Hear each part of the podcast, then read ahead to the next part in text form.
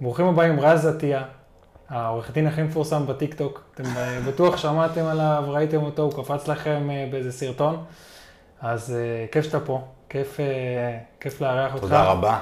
ו... תודה רבה על ההזמנה, כן, כיף להיות פה. איזה כיף. אז נתחיל בכזה, אתה עורך דין היום. נכון. אני רוצה לשמוע מאיפה זה התחיל, מתי זה התחיל. קיבלת החלטה ללכת ללמוד משפטים, מה, עוד שהיית קטן? מאיפה, מאיפה הגיע הדבר הזה? אז קודם כל אני אציג את עצמי. כן. אני רז עטיה, בן 30, אה, מהוד השרון. יש לי משרד עורכי דין, אה, פעיל בטיקטוק.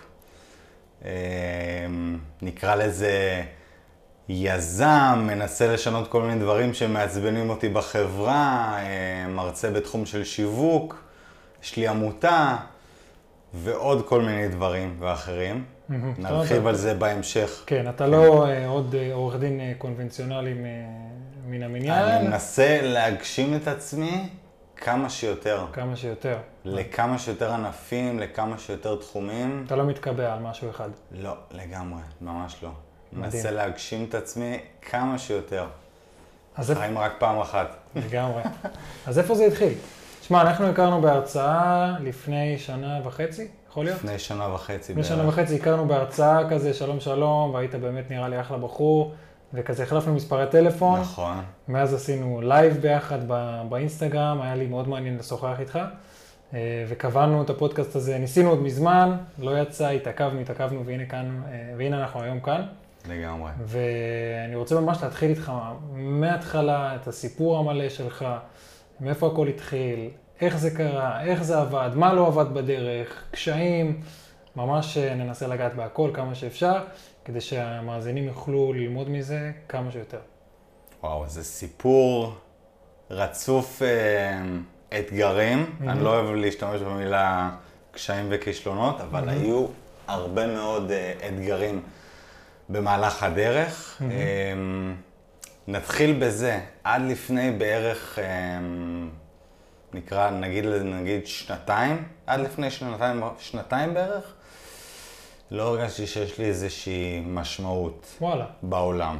כן. וואו, כי היום מי שמכיר, היום איפה אתה ואיפה אין משמעות, זה עולם אחר. בדיוק. וואו. אז עד לפני שנה וחצי, שנתיים, הרגשתי חסר משמעות לחלוטין, וזה מגיל אפס ועד לפני שנה וחצי הרגשתי פשוט חסר משמעות, חסר ערך. וואו.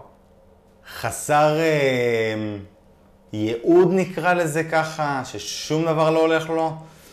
אה, זה התחיל כבר מ... מילדות. Mm-hmm.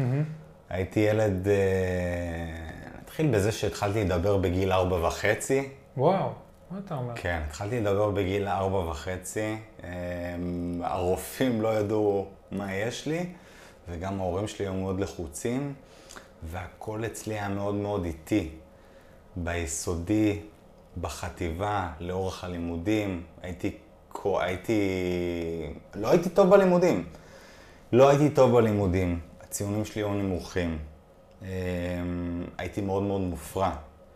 בדיעבד אני מבין שהייתי מאוד מאוד מופרע, ונתנו לי רטלין. אני הייתי בין הראשונים בארץ שנתנו להם רטלין, אני מדבר איתך לפני 21 שנה. זה לא היה משהו שנהוג, ובכיתה ג' כבר התחלתי לצרוך רטלין. וואו. בכמות מאוד מאוד גבוהה. כי מה, היה לך קשה לשבת בכיתה? ו... כי הרופאים הבחנו שאני ילד היפראקטיבי. וואו. ואני צריך אה, לקחת רטלין כדי להיות בשקט בשיעור. מה אתה אומר? ו... את כל זה אתה מספר מנקודת מבט שההורים הסבירו לך בגיל יותר מאוחר, או שאתה ממש, נגיד, זוכר את הדברים אני האלה? אני זוכר את זה לאורך כל החיים, ולאורך כל החיים, דרך אגב, חשבתי שיש לי באמת בעיות קשב וריכוז. כי ככה אמרו לך בגיל קטן. כי ככה אמרו לי. אתה חי על פי הדבר הזה. הגדירו אותך. בדיוק. מגדירים אותך. אתה בעל בעיות קשב וריכוז. וכשאומרים דבר כזה לילד זה נתקע.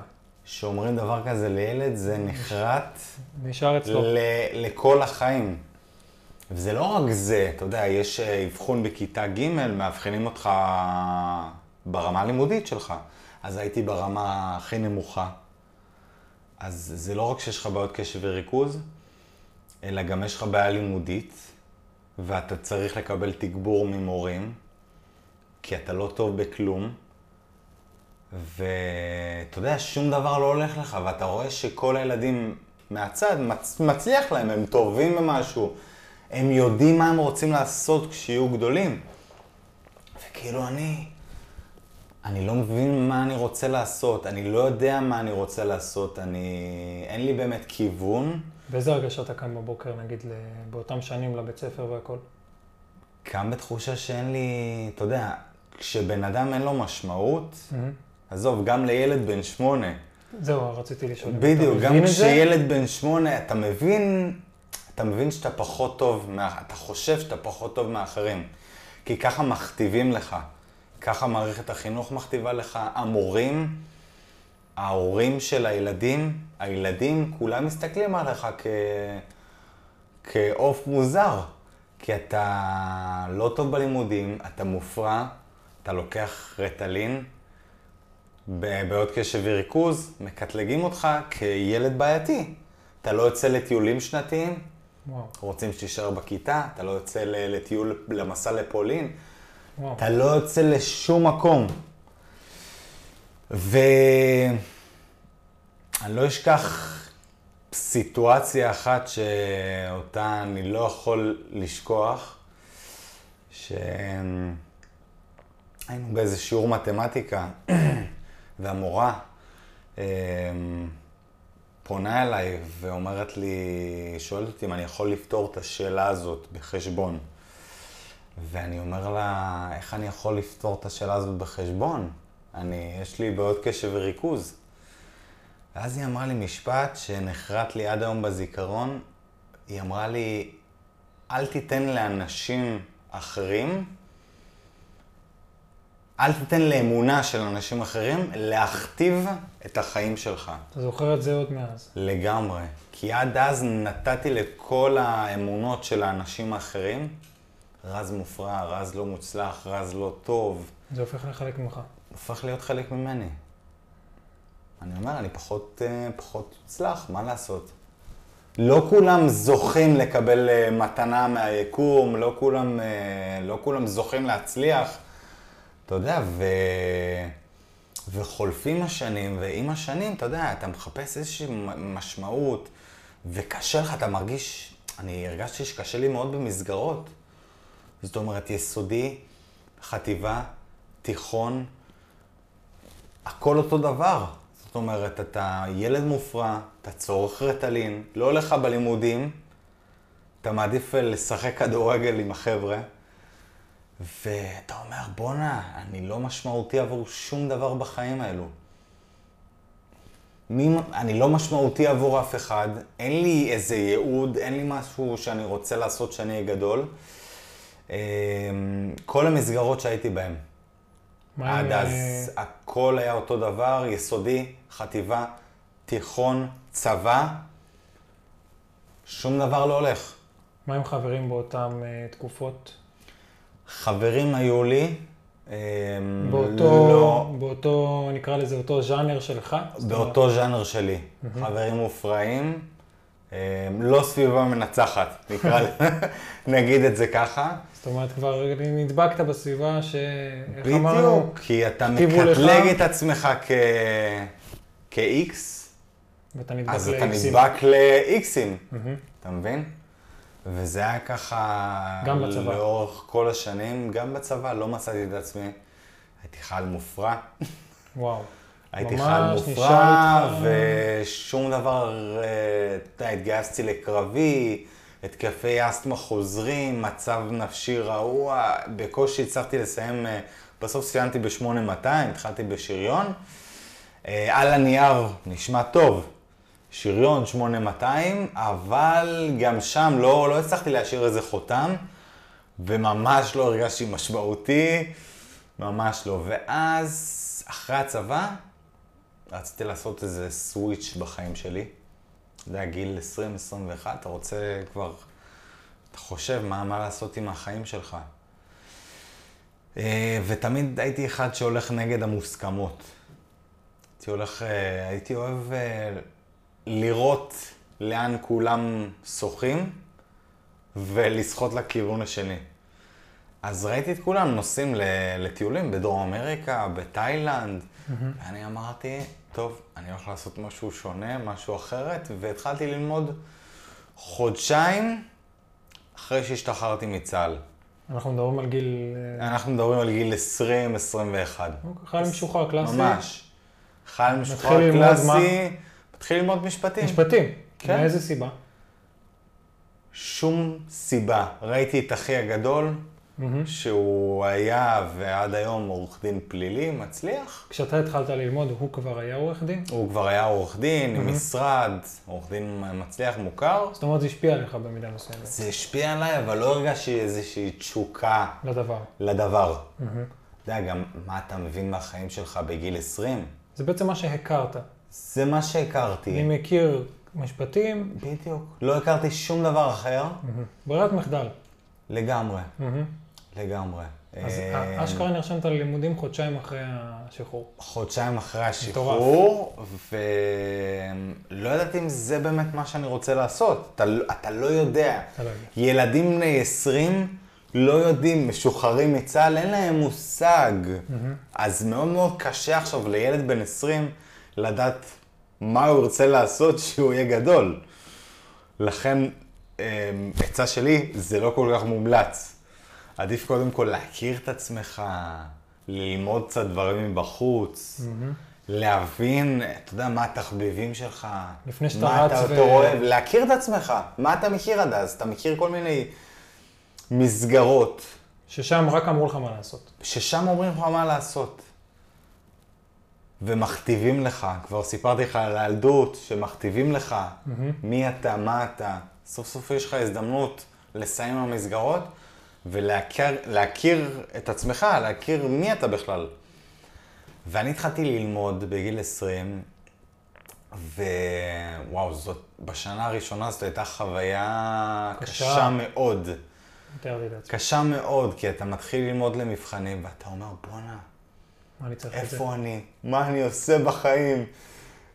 כאילו, עד לפני רגע הייתי בצבא, בתיכון, פתאום אתה מתחיל ללמוד ואין לך מושג אם זה הדבר שאתה באמת רוצה לעשות, ופתאום בשנה הראשונה אני שוקל אם לפרוש או להישאר בלימודים.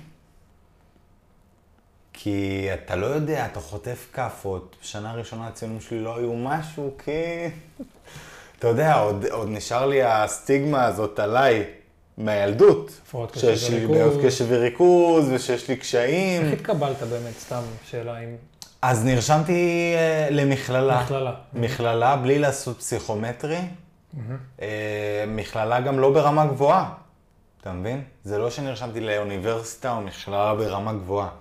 נרשמתי למכללה ברמה, ברמה נמוכה.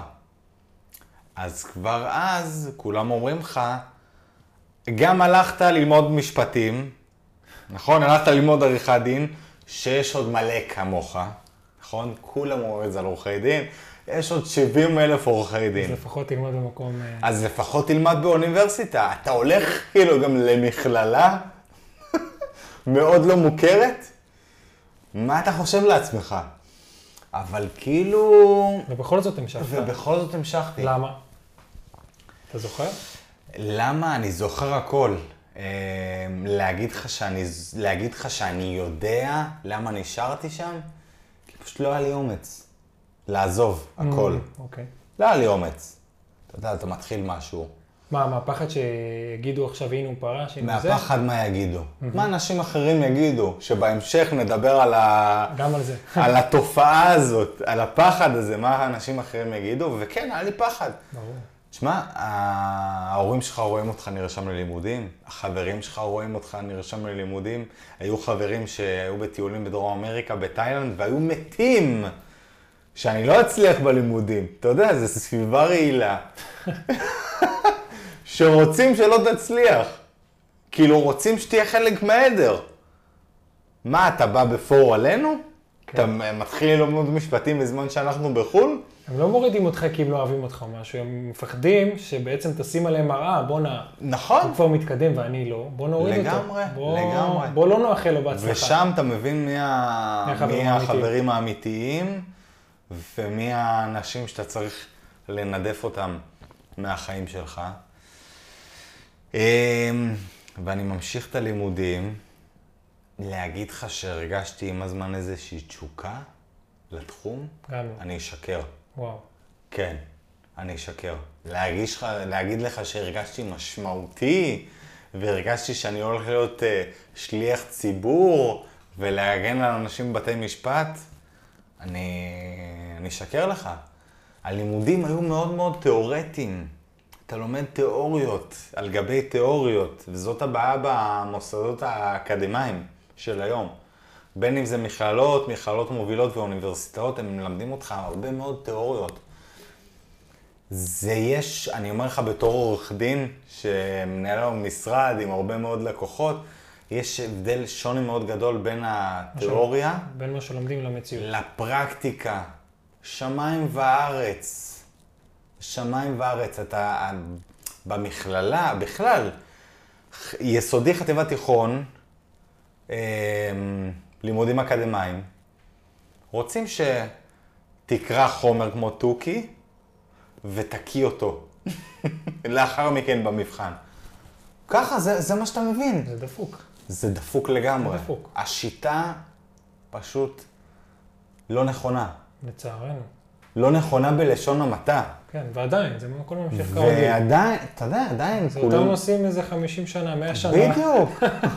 הזוי. אתה יודע, גם המרצים לא מחדשים את ההרצאה. זה אותה הרצאה במשך כל השנים. הזוי. אתה יכול לראות כל מיני סיכומים של אה, אנשים שסיכמו משנים עברו. אז אתה רואה סיכומים מלפני עשר שנים, וזה אותם. סיכום רלוונטי. סיכומים סיכום של רלוונטי. אותו שיעור, של אותו מרצה. זה מטורף. וואו. זה מטורף. הדברים משתנים. אנחנו היום בעידן הרשתות החברתיות. לאנשים כבר אין סבלנות. אתה העולם- רואה את עידן הטיקטוק, לאנשים כבר אין סבלנות. העולם השתנה בטירוף. העולם השתנה, היום אנשים רוצים קצר, קולע, כאן, עכשיו. דברים עכשוויים, דברים פרקטיים. לגמרי. ואתה לא לומד שם פרקטיקה, ואתה לומד שם הרבה תיאוריות והרבה דברים אה, משעממים שלאו דווקא אתה צריך בפועל, שאתה לא צריך בפועל. לא מדברים אותך עכשיו שפת גוף, עמידה מול שופט, עמידה מול קהל, שאתה צריך את זה. שאתה צריך את זה. ולא מלמדים. אלה דברים פרקטיים, ולא נכון. מלמדים. לא, מד- לא מדברים אותך איך לשווק משרד עורכי דין. מה, מה הכי חשוב היום? היום אני מבין שהדבר הכי חשוב ב- בכל עסק, בכלל ובפרט אה, עורכי דין, הכי חשוב זה השיווק, ולא מלמדים אותך את זה. וזה דברים שלמדתי במהלך הדרך. ואז אתה לא מרגיש משמעות. אתה יודע, אני קורא, לא מזמן עשיתי איזו הרצאה וקראתי לאדם מחפש משמעות. יפה. כי, כי סיפרתי להם מילדות ועד לפני שנה וחצי, שאמרתי לך, אה, שתמיד חיפשתי משמעות, תמיד חיפשתי להיות משמעותי עבור אנשים אחרים.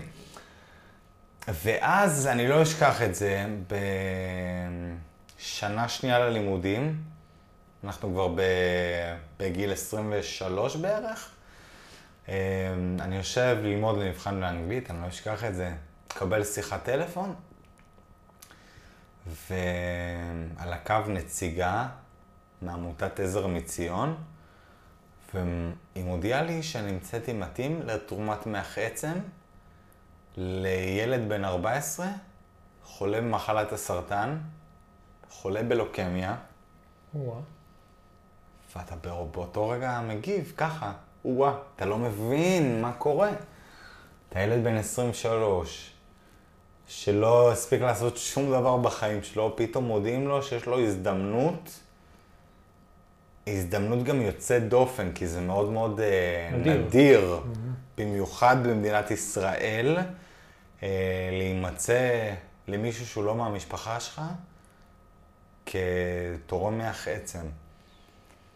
ואני מספר לאימא שלי ומתרגשים והכול, ו... רגע, באותו, באותו טלפון קיבלת החלטה שכן? באותו טלפון היה לי ברור שכן, כי כאילו הרגשתי שחיכיתי לרגע הזה בחיים שלי, שאני סוף סוף אוקיי. ארגיש משמעות. וואו, לגמרי. וואו. עזוב ייעוד עכשיו. משמעות. עזוב לפתוח עסק, עזוב להרוויח כסף, עזוב להתפרסם משהו. משמעותי, צריכים אותי. משמעותי, מישהו זקוק לך, מישהו צריך אותך, ויש לך הזדמנות להציל חיים. לכמה אנשים יש הזדמנות להציל חיים? זה מטורף. ואני מתחיל את התהליך, מגיע לעמותת עזר מציון, עושים לי בדיקות, אה, את כל הבדיקות הנדרשות. וואו, לא מפחיד? ו- מפחיד, בטוח. מפחיד, מלחיץ, זה, אתה יודע, ללכת אל הלא נודע. אה,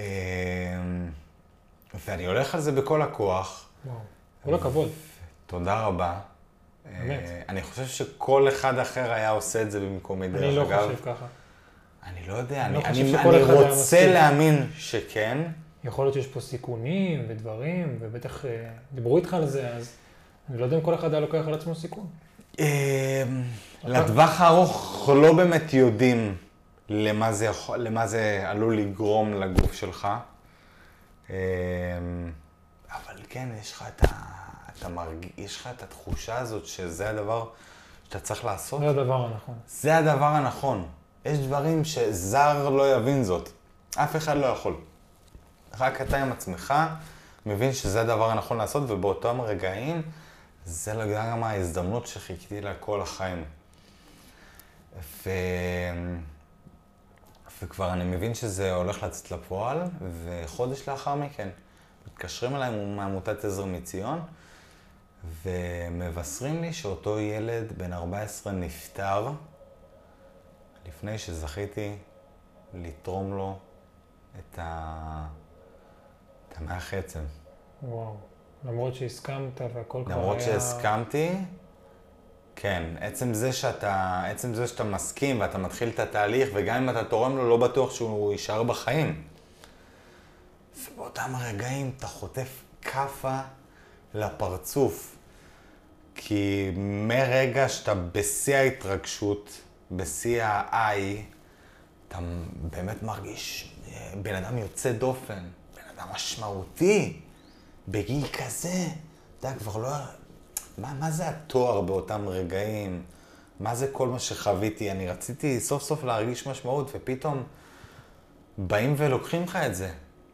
ובאותם רגעים אתה, גם אתה מרגיש, אתה חווה את הצער העמוק ואת הכאב שאותה משפחה של אותו ילד מרגישה, מבלי להכיר את אותו ילד ומבלי להכיר את המשפחה. מטורף. אתה מדמיין בראש שלך מה זה לאימא ולאבא לאבד ילד בן 14, שכאילו אתה, אתה באותה אותה עת בן 23 ואתה אומר בואנה, לא יצא לו לחוות כלום בחיים. וכל המשפחה נהרסת ברגע. האמא, האבא, המשפחה הקרובה, המשפחה הרחוקה, זה הורס משפחה שלמה. ברור. ואתה, אתה, ובאותם רגעים היה לי קשה מאוד לעכל את זה. והמשכתי בחיים שלי, המשכתי בחיי.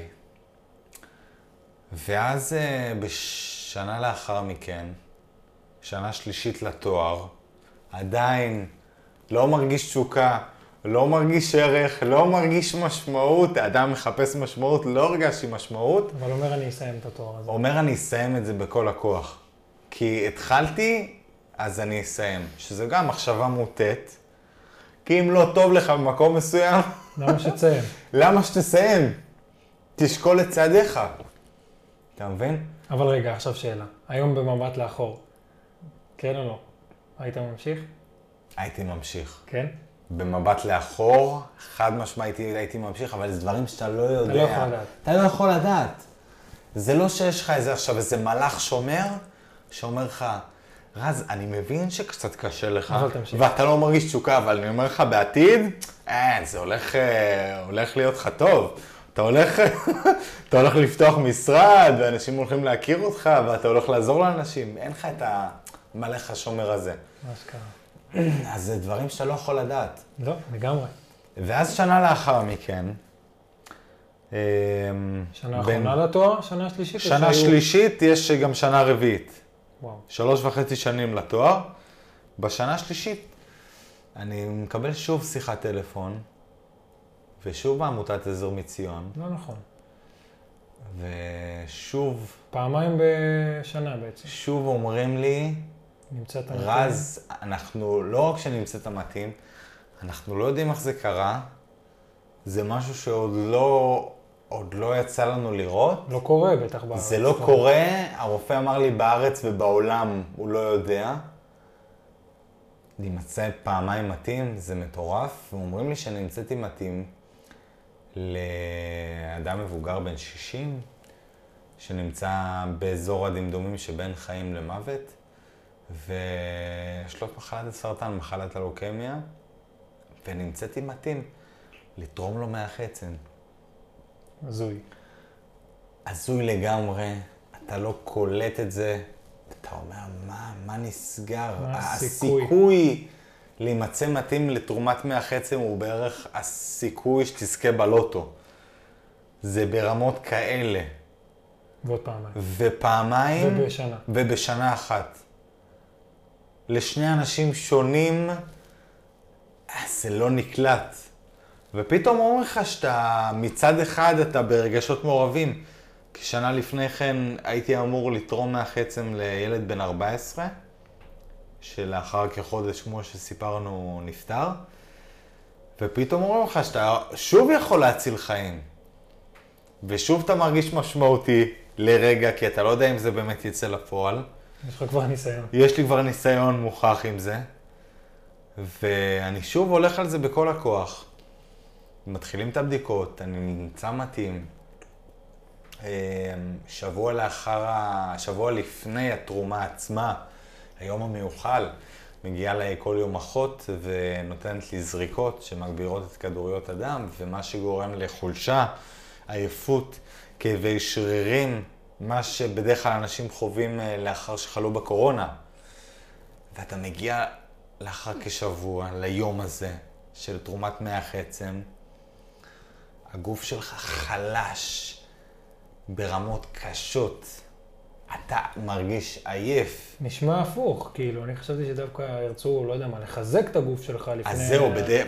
כשנותנים. לך כדוריות דם, זה בשביל... אה, זה, אני לא יודע בדיוק את התהליך הרפואי, אבל מה שזה על הגוף. גורם, מה שזה גורם, זה, זה כאילו איזונים ובלמים. אתה נחלש והוא מתחזק, נקרא לזה ככה. אז הגעתי מאוד מאוד חלש, אבל אמרתי, וואו, זה שווה את זה. אני יכול להציל חיים של בן אדם. זה כאילו מטורף בעיניי. אתה יודע, עדיין אין לך משמעות, ועדיין אין לך איזה ערך בחיים, ועדיין אין לך כסף, ואתה עדיין סטודנט תפרן, ולא יותר מדי מצליח, אבל וואלה, זה משהו שאף אחד לא, אף אחד לא יכול לקחת את זה ממני. אתה מבין? זה מתנה מהיקום שקיבלתי, שאף אחד לא יכול לקחת את זה ממני. והגעתי ליום הזה, אתה מחובר, אה, מחובר במשך אה, שש שעות. שש שעות הרדמה שש. שעות. לא, זה בלי הרדמה. בלי הרדמה. בלי הרדמה. פשוט שואבים לך דם, ארבע ליטר דם, וואו. ארבע ליטר דם. במשך שש שעות, פשוט שוכב על מיטה, אסור לך לזוז. אתה מרגיש. ואתה מרגיש את העייפות, את החולשה, אבל אתה אני מסתכל על המטרה הזאת. כמו בן אדם שקשה לו בהתחלה כשהוא פותח עסק, קשה לו, הוא מרגיש את הקשיים, אתה מרגיש את הכאבים, נכון? הוא חווה את הכישלונות, אבל הוא רואה את המטרה הזאת. וזה שווה. וזה שווה הכל. וסיימתי את התהליך, ובאותה עת אה, לא נתנו לי להכיר את אותו אדם. למעשה עד היום, מאיזה רק סיבה? הודיעו לי שאותו אדם אה, ניצל ממחלת הסרטן, והוא הבריא, וואו. והוא ניצח את המחלה, והמשפחה שלו קיבלה אותו, וואו. ואז באותו רגע אתה מבין על כמה אנשים אתה יכול להשפיע במעשה טוב אחד שעשית. כן, כי יש משפחה, בדיוק, וזה לא חייב להיות תרומת מח עצם. כל דבר. כל דבר. מהמם. סתם לדוגמה, עשית מעשה טוב, גרמת לאדם עכשיו שהיה עצוב, שראית אותו ברחוב עצוב, גרמת לו לחייך, העלית לו חיוך לפנים, נכון? הוא חזר הביתה למשפחה שלו. זה אפקט הפרפר. זה אפקט הפרפר, זה משפיע על כל כך הרבה אנשים. אשתו הרבה יותר מקבלת אותו, הילדים שלו הרבה יותר מקבלים אותו, הסביבה שלו הרבה יותר מקבלת אותו, הוא מחייך לעולם, העולם מחייך אליו בחזרה. תחשוב על כמה אנשים אתה יכול להשפיע בזה שגרמת לאדם אחד לחייך. מטורף. ואז אתה חושב על זה. אתה הצלת בן אדם ממחלת הסרטן. הצלת לו את החיים. המשפחה שלו, שהייתה בטוחה שהיא הולכת לאבד את האדם הכי קרוב לה, מקבלת אותו בחזרה. המשפחה הזאת מקבלת את החיים שלה, לגמרי. חיים שלה בחזרה. מטורף. כל הקרובים שלו, כל המכרים שלו, הם מקבלים אותו בחזרה, את האדם היקר להם, היקר להם מכל. והתחושה הזאת מדהימה.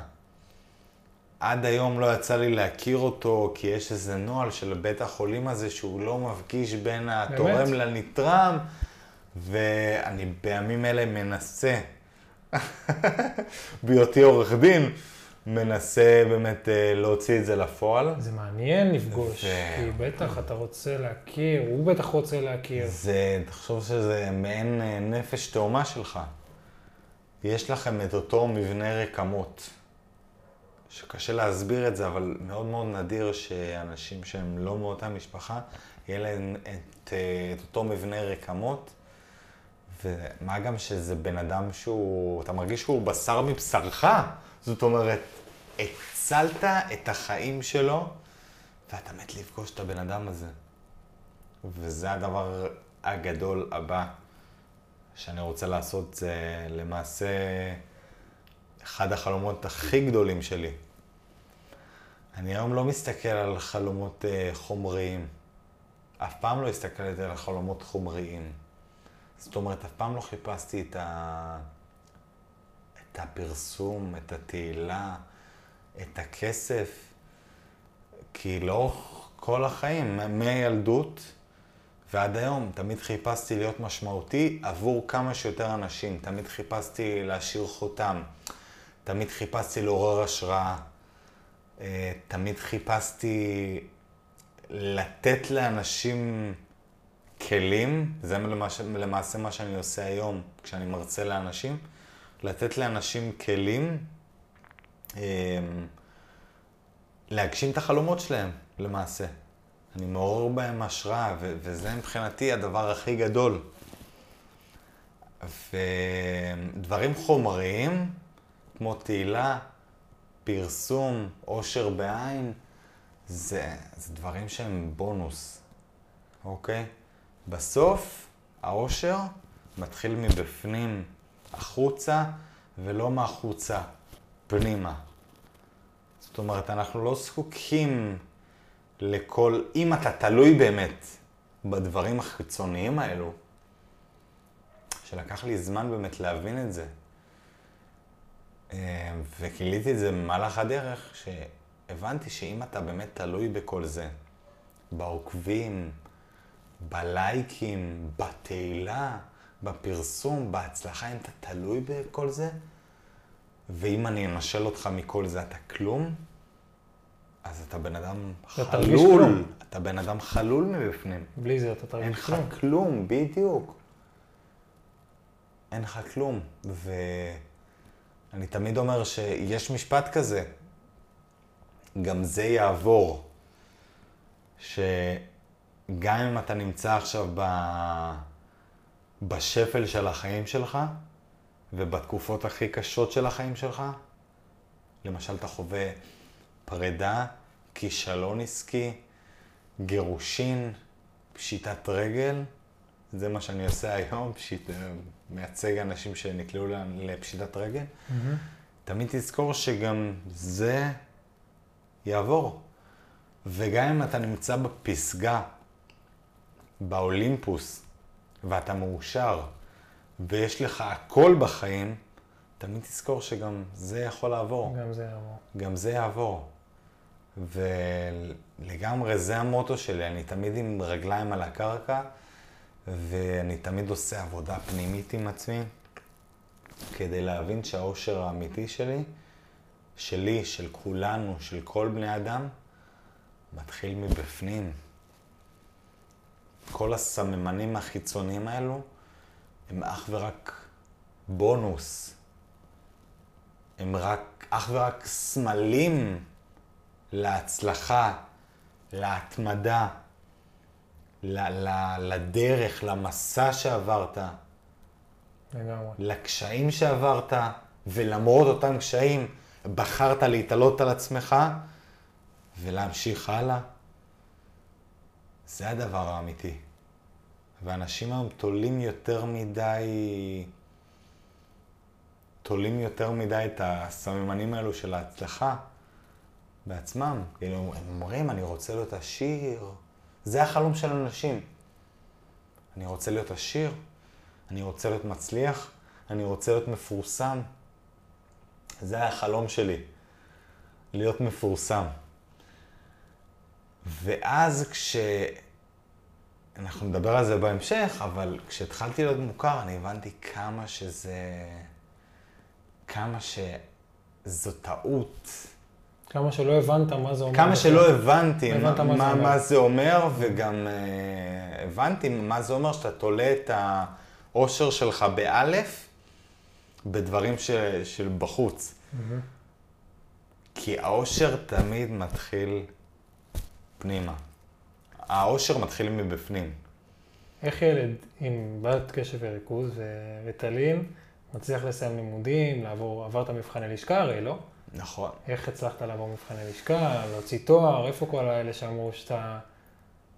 איך זה מופרע, קרה? איך זה קרה? אמ, תעודת בגרות בקושי הייתה לי. זהו, אז זה... מה קרה שם? זה היה פשוט בפוקס, לא. בכיתה מה? י', בכיתה י', המנהלת, סיגלית, הסגנית מנהלת, הסגניות מנהליות- מנהלות הן הרבה יותר קשוחות מהמנהלות עצמן.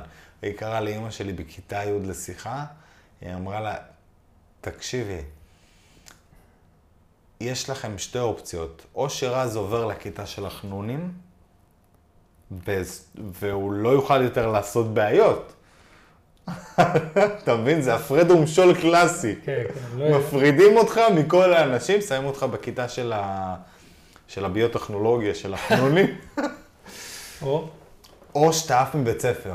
אה, אז אין אופציות. או שאתה עף מבית ספר. אין אופציות. אז אין יותר מדי אופציות, ופשוט אה, בידלו אותי מכולם, ושמו אותי ליד, אה, ליד כל המחוננים. זה עזר? זה עזר כי אין לך אופציה, אתה, אין לך עם מי להפריע, אין לך שותפים לפשע. אין לך שותפים לפשע, אתה, אתה לא יכול להפריע. הרי ברגע שאתה, שאתה, שאתה בכיתה, בסביבה של אנשים שמאוד רוצים להצליח, נכון? זה גם לחיים האמיתיים. גם בבית ספר, גם בחיים האמיתיים, ברגע שאתה בסביבה של אנשים שמאוד רוצים להצליח, ואתה עושה בעיות ואתה לא מספיק מעריך את עצמך, אז אתה לא יכול להיות בסביבה הזאת, אתה לא משתלב, ואני חיפשתי להשתלב ולהיות חלק מהם, להיות חלק מהסביבה המנצחת הזאת. ואז הפכתי להיות תלמיד חכם. מה זה תלמיד חכם? השתדלתי להיות תלמיד יותר טוב. למקסם את היכולות שלי, למרות שהלימודים לא מעניינים אותי, השתדלתי להיות uh, הגרסה הכי טובה שאני יכול להיות. הסביבה ממש השפיעה. הסביבה, הסביבה השפיעה עליי. אז זה, זה גם מה שעזר לך ב... זה מה שתמיד אומרים, סביבה מנצחת חזקה מכוח רצון. כי הסביבה הזאת בעצם השפיעה עליי, ההחלטה הזאת של המנהלת להעביר אותי לכיתה של, של כל הילדים האלו שרוצים להצליח, היא זאת שהשפיעה עליי והיא זאת שגרמה לי בסופו של דבר להוציא בגרות מלאה. ואם לדבר על המבחני לשכה, אמ, במבחני לשכה, למי שלא יודע, אחרי שמסיימים את, ה... את ההתמחות בעריכת דין, זאת אומרת, זה לא מיד אחרי הלימודים. יש את הלימודים האקדמיים. סיימת לימודים. סיימת לימודים, אחר כך אתה מתחיל uh, את ה... פרקטיקה? את ה... פרקטיקה של העורכי דין, שזה כן. הסטאז', איך קוראים? שזה הסטאז', ההתמחות, בדיוק. אז. התמחיתי בהוצאה לפועל, כמה זמן? שנה. זה חובה. פעם זה היה שנה, היום זה שנה וחצי. חובה. כן, זה חובה. כדי לגשת כדי למבחן. להיות בכלל עורך דין, כדי לגשת למבחן. אה, אוקיי. אז אתה מסיים בדיוק. ללמוד, עובד שנה וחצי, וניגש רק אז למבחנים, בדיוק. אחרי ששכחת את רוב החומר. ב... אחרי שאתה לא... שוב, זה חומר מאוד תיאורטי, אז אתה לא באמת זוכר משהו. וואו. ואז אתה מתחיל ללמוד למבחני לשכה, למי שלא יודע, אתה לומד במשך כמה חודשים, קורע את התחת. קורא את התחת זה... זה לא זה מילה. בלשון המעטה, כי אתה לומד מבוקר וואו. ועד לילה, וואו. ואני, אתה יודע, בתור ילד מאוד קשב וריכוז, שמגיל שמונה צורך רטלין, אני שוב צורך רטלין. כי באמונה שלי, בתפיסה שלי, אני לא יכול ללמוד למבחן, אני לא יכול להתנהל בחיים מבלי לצרוך רטלין שיפקס אותי. ולמרות שיודעים שרטלין זה ממש ממשפחת הסמים, הסמים המסוכנים, וזה גורם לך לתופעות לוואי, חוסר תיאבון. חוסר תיאבון, כאבי ראש, אני ממשיך וממשיך עם הרטלין הזה. ואחרי כמה חודשים, אתה יודע שאתה לומד למבחני לשכה, באותה תקופה גם למדתי עם, אה, עם חברה שלי. האקסיט שלי היום, חברה שלי אז, לומדים ביחד למבחנים, מבוקר ועד לילה. אה, ניגשים לבחינה, הבחינה הכי קשה אי פעם. אה, אני לא אשכח את זה. הרגשת כאילו, מוכן? אתה אף פעם לא מרגיש מוכן. לא. כי אתה לומד כמויות של חומר, כמו תוכי, רק משנן, משנן, משנן, בלי שום, רק תיאוריה, תיאוריה, תיאוריה. שזה שוב, זה כשל טכני, מהותי, ב- בכל התפיסה הזאת של מערכת החינוך, של מערכת המשפטים, ואתה ניגש לבחינה, בחינה של, שקובעת בעצם את העתיד שלך, אם אתה תהיה עורך דין, או שאתה תישאר מובטל בבית, תחתום אבטלה, ותצטרך ללמוד למבחן הבא במשך עוד כמה חודשים נוספים. וואו. אתה לומד במשך ארבעה, חמישה חודשים לבחינה, זה לא צחוק. אמ, אנחנו ניגשים לבחינה, הבחינה הכי קשה אי פעם. מה אחוזי מעבר במבחנים כאלה? פחות מחצי. אז זה היה 12 אחוזי מעבר. לא, וואו. 12 אחוזי מעבר. למה? היו לה- לאחר מכן כל מיני ערעורים לבתי משפט, השגות, פסילות של שאלות, כי בכל זאת 12 אחוזי מעבר, בסופו של דבר זה הגיע ל-30 אחוזי מעבר, אבל זה אחוזים מאוד מאוד נמוכים. היום זה כבר לא ככה, אז הם מאוד מאוד הקשיחו את זה, את התנאים. וניגשתי לבחינה, אתה לומד כל כך הרבה זמן, ופתאום blackout בבחינה. הרגשת בלקאוט. הרגשתי blackout, מסך שחור, מלחץ? מלחץ. והיום אתה, אני, היום אני מבין בדיעבד שהמבחן הזה, כל הקושי הזה, זה מנטלי. זה מבחן שמחולק לשלושה חלקים, כל חלק כמה שעות. וואו. אתה חייב להיות מאוד מאוד חזק מנטלית, עוד לפני כל הידע, הנכון? הידע- כל הידע שאתה צובר. הזיכרון, החוכמה. בסוף, הכל מתחיל מהראש. ואז באותה תקופה לא הייתי חזק מנטלית, ולא הערכתי את עצמי מספיק, ו...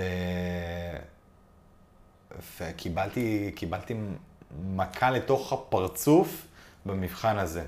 כי אתה לומד כמה חודשים, כבר יש לך ציפייה לעבור, ואז מודיעים לך שאתה נכשל בבחינה. נכשלת. נכשלתי בבחינה, לא סתם נכשלתי, וואו. התרסקתי. חשבתי שעברת. התרסקתי. גם אני חשבתי שאני אעבור. אה, חשבתי שאני אעבור לפני הבחינה, כשניגשתי, הבנתי כמה שאני הולך להיכשל. גם, אתה יודע, לאורך כל הבחינה אני אומר, וואו, אתה הולך להיכשל, אתה הולך להיכשל. הבנת ש... נבואה שמגשימה מה את הבנת? עצמה. שלא למדת מספיק? שמה? הבנתי... לא הבנתי כלום. הבנתי שאני מאוד מאוד לחוץ, אני לא חזק מבחינה מנטלית. שהלחץ השפיע אחרי. הלחץ, הלחץ היה יותר חזק ממני. וואו. שזה באמת במהלך החיים, אתה ניצב מול כל כך הרבה קשיים, לחצים, פתאום דברים לא הולכים, ואתה חייב להתעלות מעל הקושי, מעל הלחץ, מעל האדם שאתה. אתה חייב להתעלות מעל כל הקושי.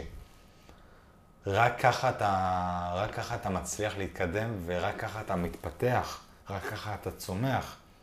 אם אתה מצליח להתעלות על כל זה, מהמם. ואם אתה נותן לזה לנצח אותך, אז אתה פשוט מתרסק. ומה קרה ו- לך אז? התרסקתי. הציון מעבר שהיה היה צריך בשביל לעבור את הבחינה היה 60. ואני הייתי משהו כמו 45. וואו. ציון אכזרי לכל הדעות. לא, הציון שהיה צריך בשביל אחוזי מעבר הוא 60, אחר כך הורידו אותו ל... 65, אחר כך הורידו אותו ל-60, ואני קיבלתי 45 בערך. זאת אומרת, 20 נקודות, לא סתם התרסקות, התרסקות טוטאלית. ובאותם רגעים, מה אתה חושב על עצמך? אתה אפס. אתה אפס, אתה כישלון, הערך העצמי שלך יורד לרצפה, פתאום כל הילדות חוזרת. חוזרת. כל התמונות מהילדות חוזרות, פתאום אני מבין עם עצמי, אתה כישלון, לא יוצא ממך כלום, איך עשית את זה? למה היית לחוץ? אתה מאשים את עצמך? פתאום כל האחרים, כל הסביבה המנצחת הזאת, רואה אותך מהצד, ואתה יודע, יש את. יש את האנשים ש... ששמחים בזה שנכשלת. חברים שאז חשבתי שהם חברים טובים, פתאום אתה רואה אותם שהם פשוט מאושרים בזה שנכשלת, בזה שנפלת, כי הם לא שמחים בדרך שלי. הם רצו אותי למטה, יחד איתם. יחד איתם. באותם רגעים שנכשלת, קיבלת החלטה, אני ניגש שוב? כי זה וואחד החלטה. לא, ואני אספר לך יותר מזה, חברה שלי, האקסט שלי, עברה. את המבחן. וואו, אין יותר מדכא מזה. עברה את המבחן, אין יותר מדכא מזה. וגם לא היינו בטוב בקשר, וזה נגמר. וכאילו, אני, אני אומר לעצמי, ניפרד, נשאר ביחד, אני לא יודע מה לעשות, ואנחנו נשארים ביחד, כי אתה, אתה לא מסוגל לקחת אחריות ולסיים קשר כשאתה נמצא ברגע הכי קשה בחיים שלך. אתה נמצא במצב של, אתה מרגיש בדידות. אתה במשך חמישה חודשים לא יצאת מהבית, לא ראית חברים, לא ראית את המשפחה שלך, היית נעול בחדר, למדת מבוקר ועד ערב, והבן אדם היחיד הכי קרוב אליך, שמצד אחד אתה רוצה בהצלחתו, ומצד שני, ברגע שהוא עובר את הבחינה ומתחיל לעבוד במקצוע, מאוד קשה לך לראות את זה. כי אתה, אתה מרגיש עם עצמך אפס, ואתה מתחיל ללמוד לבחינה הבאה, ותוך כדי אתה מתחיל לבכות. קיבלת החלטה, אבל מיד ללמוד לא. לבחינה הבאה? לא, היה לי מאוד קשה להכיל את. הסיטואציה.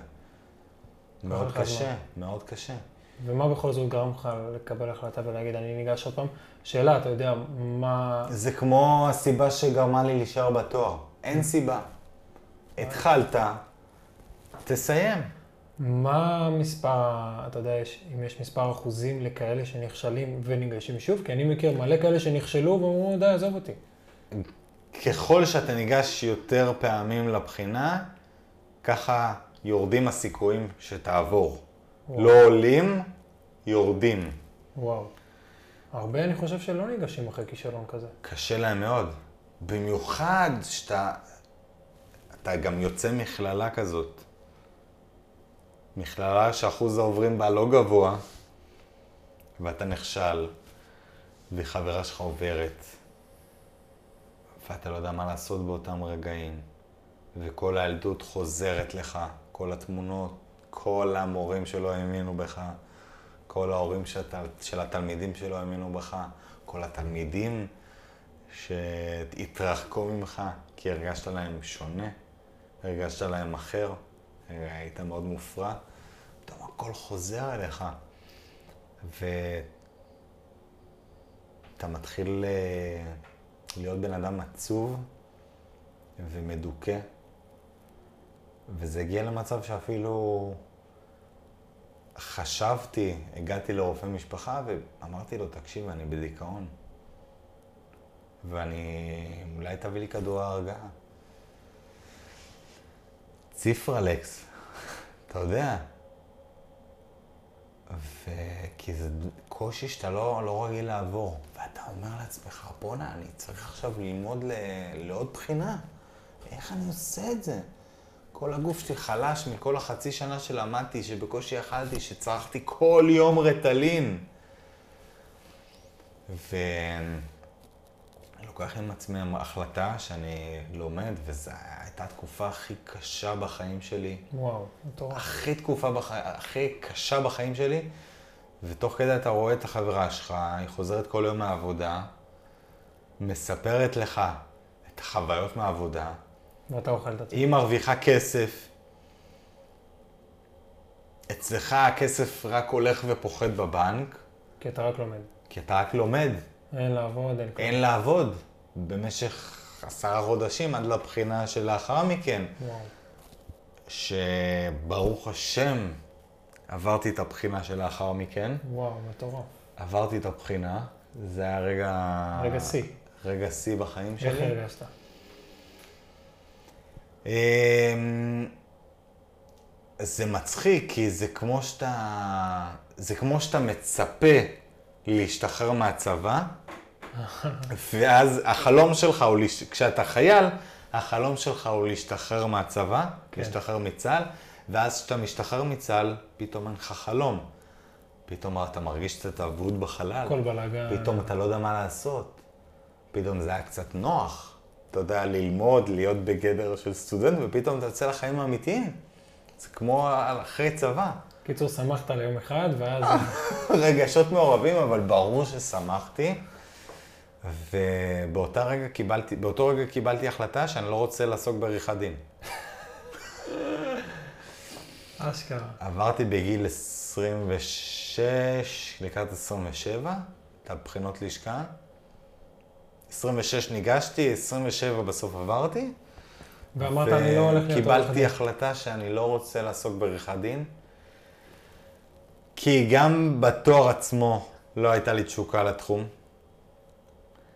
גם במבחני לשכה הורידו לי את כל הרוח, הורידה לי את כל הרוח מהמפרשים. אז לא רציתי לעסוק במקצוע הזה. אחרי כל מה שעברת, לא רצית לעסוק שעבר- במקצוע? בדיוק. וואו. ואז אתה מרגיש עם עצמך מטומטם. אתה מרגיש עם עצמך וואחד? מטומטם. אחרי שאתה מסיים שלוש וחצי שנים של תואר אקדמאי במשפטים, אחרי שאתה מסיים שנה של התמחות, לא קלה בכלל, אחרי שאתה ניגש אה, למבחני הלשכה פעמיים, שזה נמשך בערך עשרה חודשים. בטוטל, אם תיקח את הכל ביחד, זה בערך כמו, כמו תואר ברפואה. אתה מחליט עם עצמך לא להיות עורך דין. ו... ובשנה הזאת, בעצם... מהרגע שסיימת, מהרגע ש- שהחלטת לא. בדיוק, אלא- התחלתי לחפש את עצמי. מהרגע שקיבלתי את התעודה של העורך דין, התחלתי לחפש את עצמי. לא מאמין לך. ולא רציתי להיות עורך דין. ואני מדבר איתך פה על גיל אה, 27. כן, כבר יאללה, כאילו. כבר זה יאללה. כבר אה, גיל מתקדם. היום אני בן 30. תאר לך איזה... איזה שוני, כאילו כמה החיים יכולים להשתנות. ואז אז הייתה שנה בעצם של חיפוש, אתה אומר? היה שנה של חיפוש. מה עשית בשנה אבל הזאת? לפני שאנחנו מגיעים למה עשיתי בשנה הזאת, פתאום מתחילים להתקשר אליי מהבנק. שנה שלמה לא עבדת, חביבי. ההוצאות המשיכו ולא היו הכנסות, ואתה במינוס גבוה מאוד. אתה במינוס של כמה עשרות אלפי שקלים.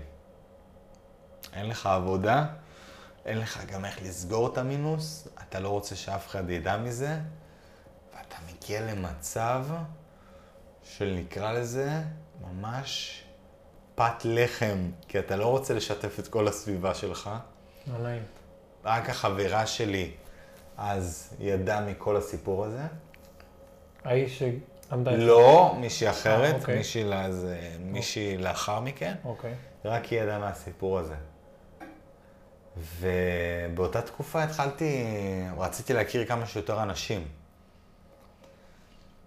רציתי להכיר כמה שיותר אנשים, כי במשך עשרה חודשים הייתי נעול בחדר. אז אמרתי לעצמי, איפה אני יכול להכיר כמה שיותר אנשים? בפוליטיקה. וזאת הייתה בדיוק התקופה הזאת שהתחילו כל הסבב של הבחירות. ראשונות, בחירות, שניות, שליש. אז זאת הייתה, זאת הייתה מערכת הבחירות הראשונה. ואז אמרתי, טוב, זה יכולה להיות ההזדמנות שלי. אז פתאום התחלתי להיכנס לאיזה מפלגה, התחלתי להיכנס לכנסים. טוב, אני לובש חליפות, לא מרוויח כסף, מתנדב, רק בשביל להכיר אנשים. בשביל להרגיש קצת משמעותי, אתה יודע. ואתה מוצא את עצמך לובש חליפה מצד אחד, ומצד שני עם חובות בבנק, שאתה לא יודע, איזה דיסוננס. ממש, שאתה לא יודע איך תחזיר אותם. ואז נאלצתי לבקש אה, כל מיני הלוואות ממכרים, מחברים, כי אתה מגיע לבנק, ואתה אומר להם, טוב, תבואו לקראתי.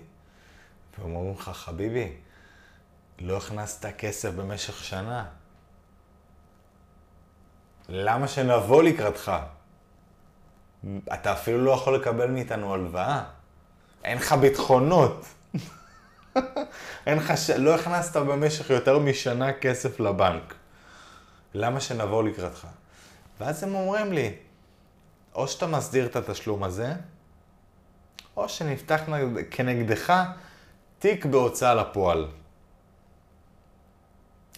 ששנה וחצי לפני כן, פחות, שנה לפני כן עבדתי בהוצאה לפועל. בהתמחות. בהתמחות. אני הייתי זה שמטיל עיקולים והגבלות אה, על אנשים, אתה יודע, בלחיצת כפתור, אז היום אני מבין כמה שזה אבסורד, שבלחיצת כפתור אחת אתה הורס חיים של משפחה שלמה. אתה מטיל עיקול, מטיל הגבלה, הגבלת, אה, הגבלה מלהחזיק רישיון נהיגה, הגבלה מלצאת מהארץ, אה, עיקולים, אתה מטיל עיקול, עיקולי משכורת. בן אדם שנקלע לקשיים בהוצאה לפועל, מעקלים לו חלק ניכר מהמשכורת. ואז, בחזרה למה שדיברנו מקודם, שבמעשה אחד טוב אתה יכול להשפיע על כל כך הרבה אנשים, ולעשות טוב לכל כך הרבה אנשים, ואתה למעשה מפיץ את הטוב הזה, אז באותה תקופה כשעבדתי בהוצאה לפועל, אני הרגשתי שאני מפיץ רע. אני מפיץ רעל. כי בלחיצת כפתור אחת, אתה הורס חיים של משפחה שלמה. אתה, אתה מטיל עיקול משכורת על האבא, אתה משפיע על הזוגיות שלו עם אשתו, אתה משפיע על הילדים שלו, כי הוא לא יכול אה, לקנות להם דברים שאולי אתמול הוא כן יכל לקנות להם, אתה, משפיע על כל הסביבה שלו. וגם בהתמחות בהוצאה לפועל. לא מצאתי את עצמי. לא התחברתי לחומר הנלמד. אם תגיע היום להוצאה לפועל, לרשות האכיפה והגבייה, ותשאל אותם מי המתמחה הכי בעייתי אי פעם, יגידו לך רז עטיה. יגידו לך רז עטיה. אני המתמחה היחיד, נראה לי, בתולדות ההוצאה לפועל, שעבר בין שישה רשמי הוצאה לפועל. וואו.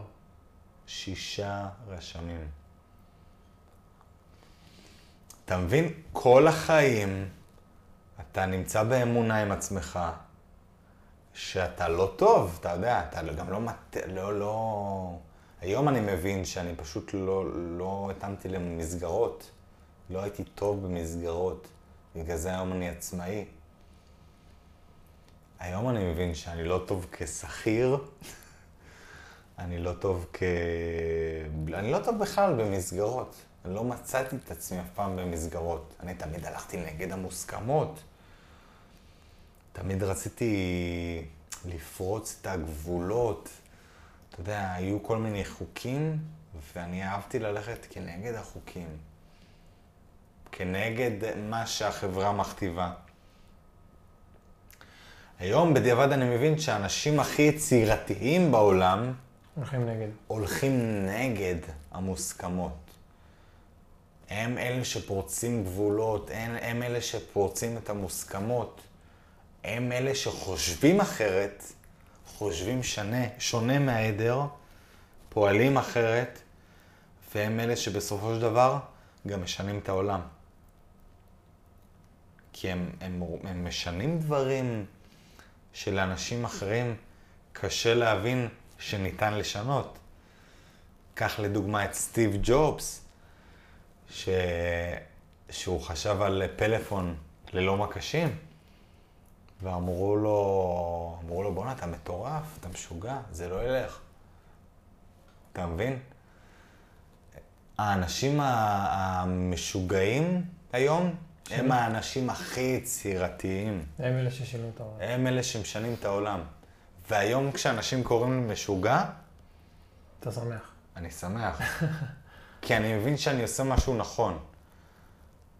אם אנשים אומרים לי שאני לא מספיק משוגע, או שאני לא מקבל מספיק ביקורות שליליות, אני מבין שאני עושה משהו לא נכון. צריך להשתגע קצת. צריך להשתגע קצת. ומי שמכיר את הטיקטוקים שלך יודע שאתה משתגע.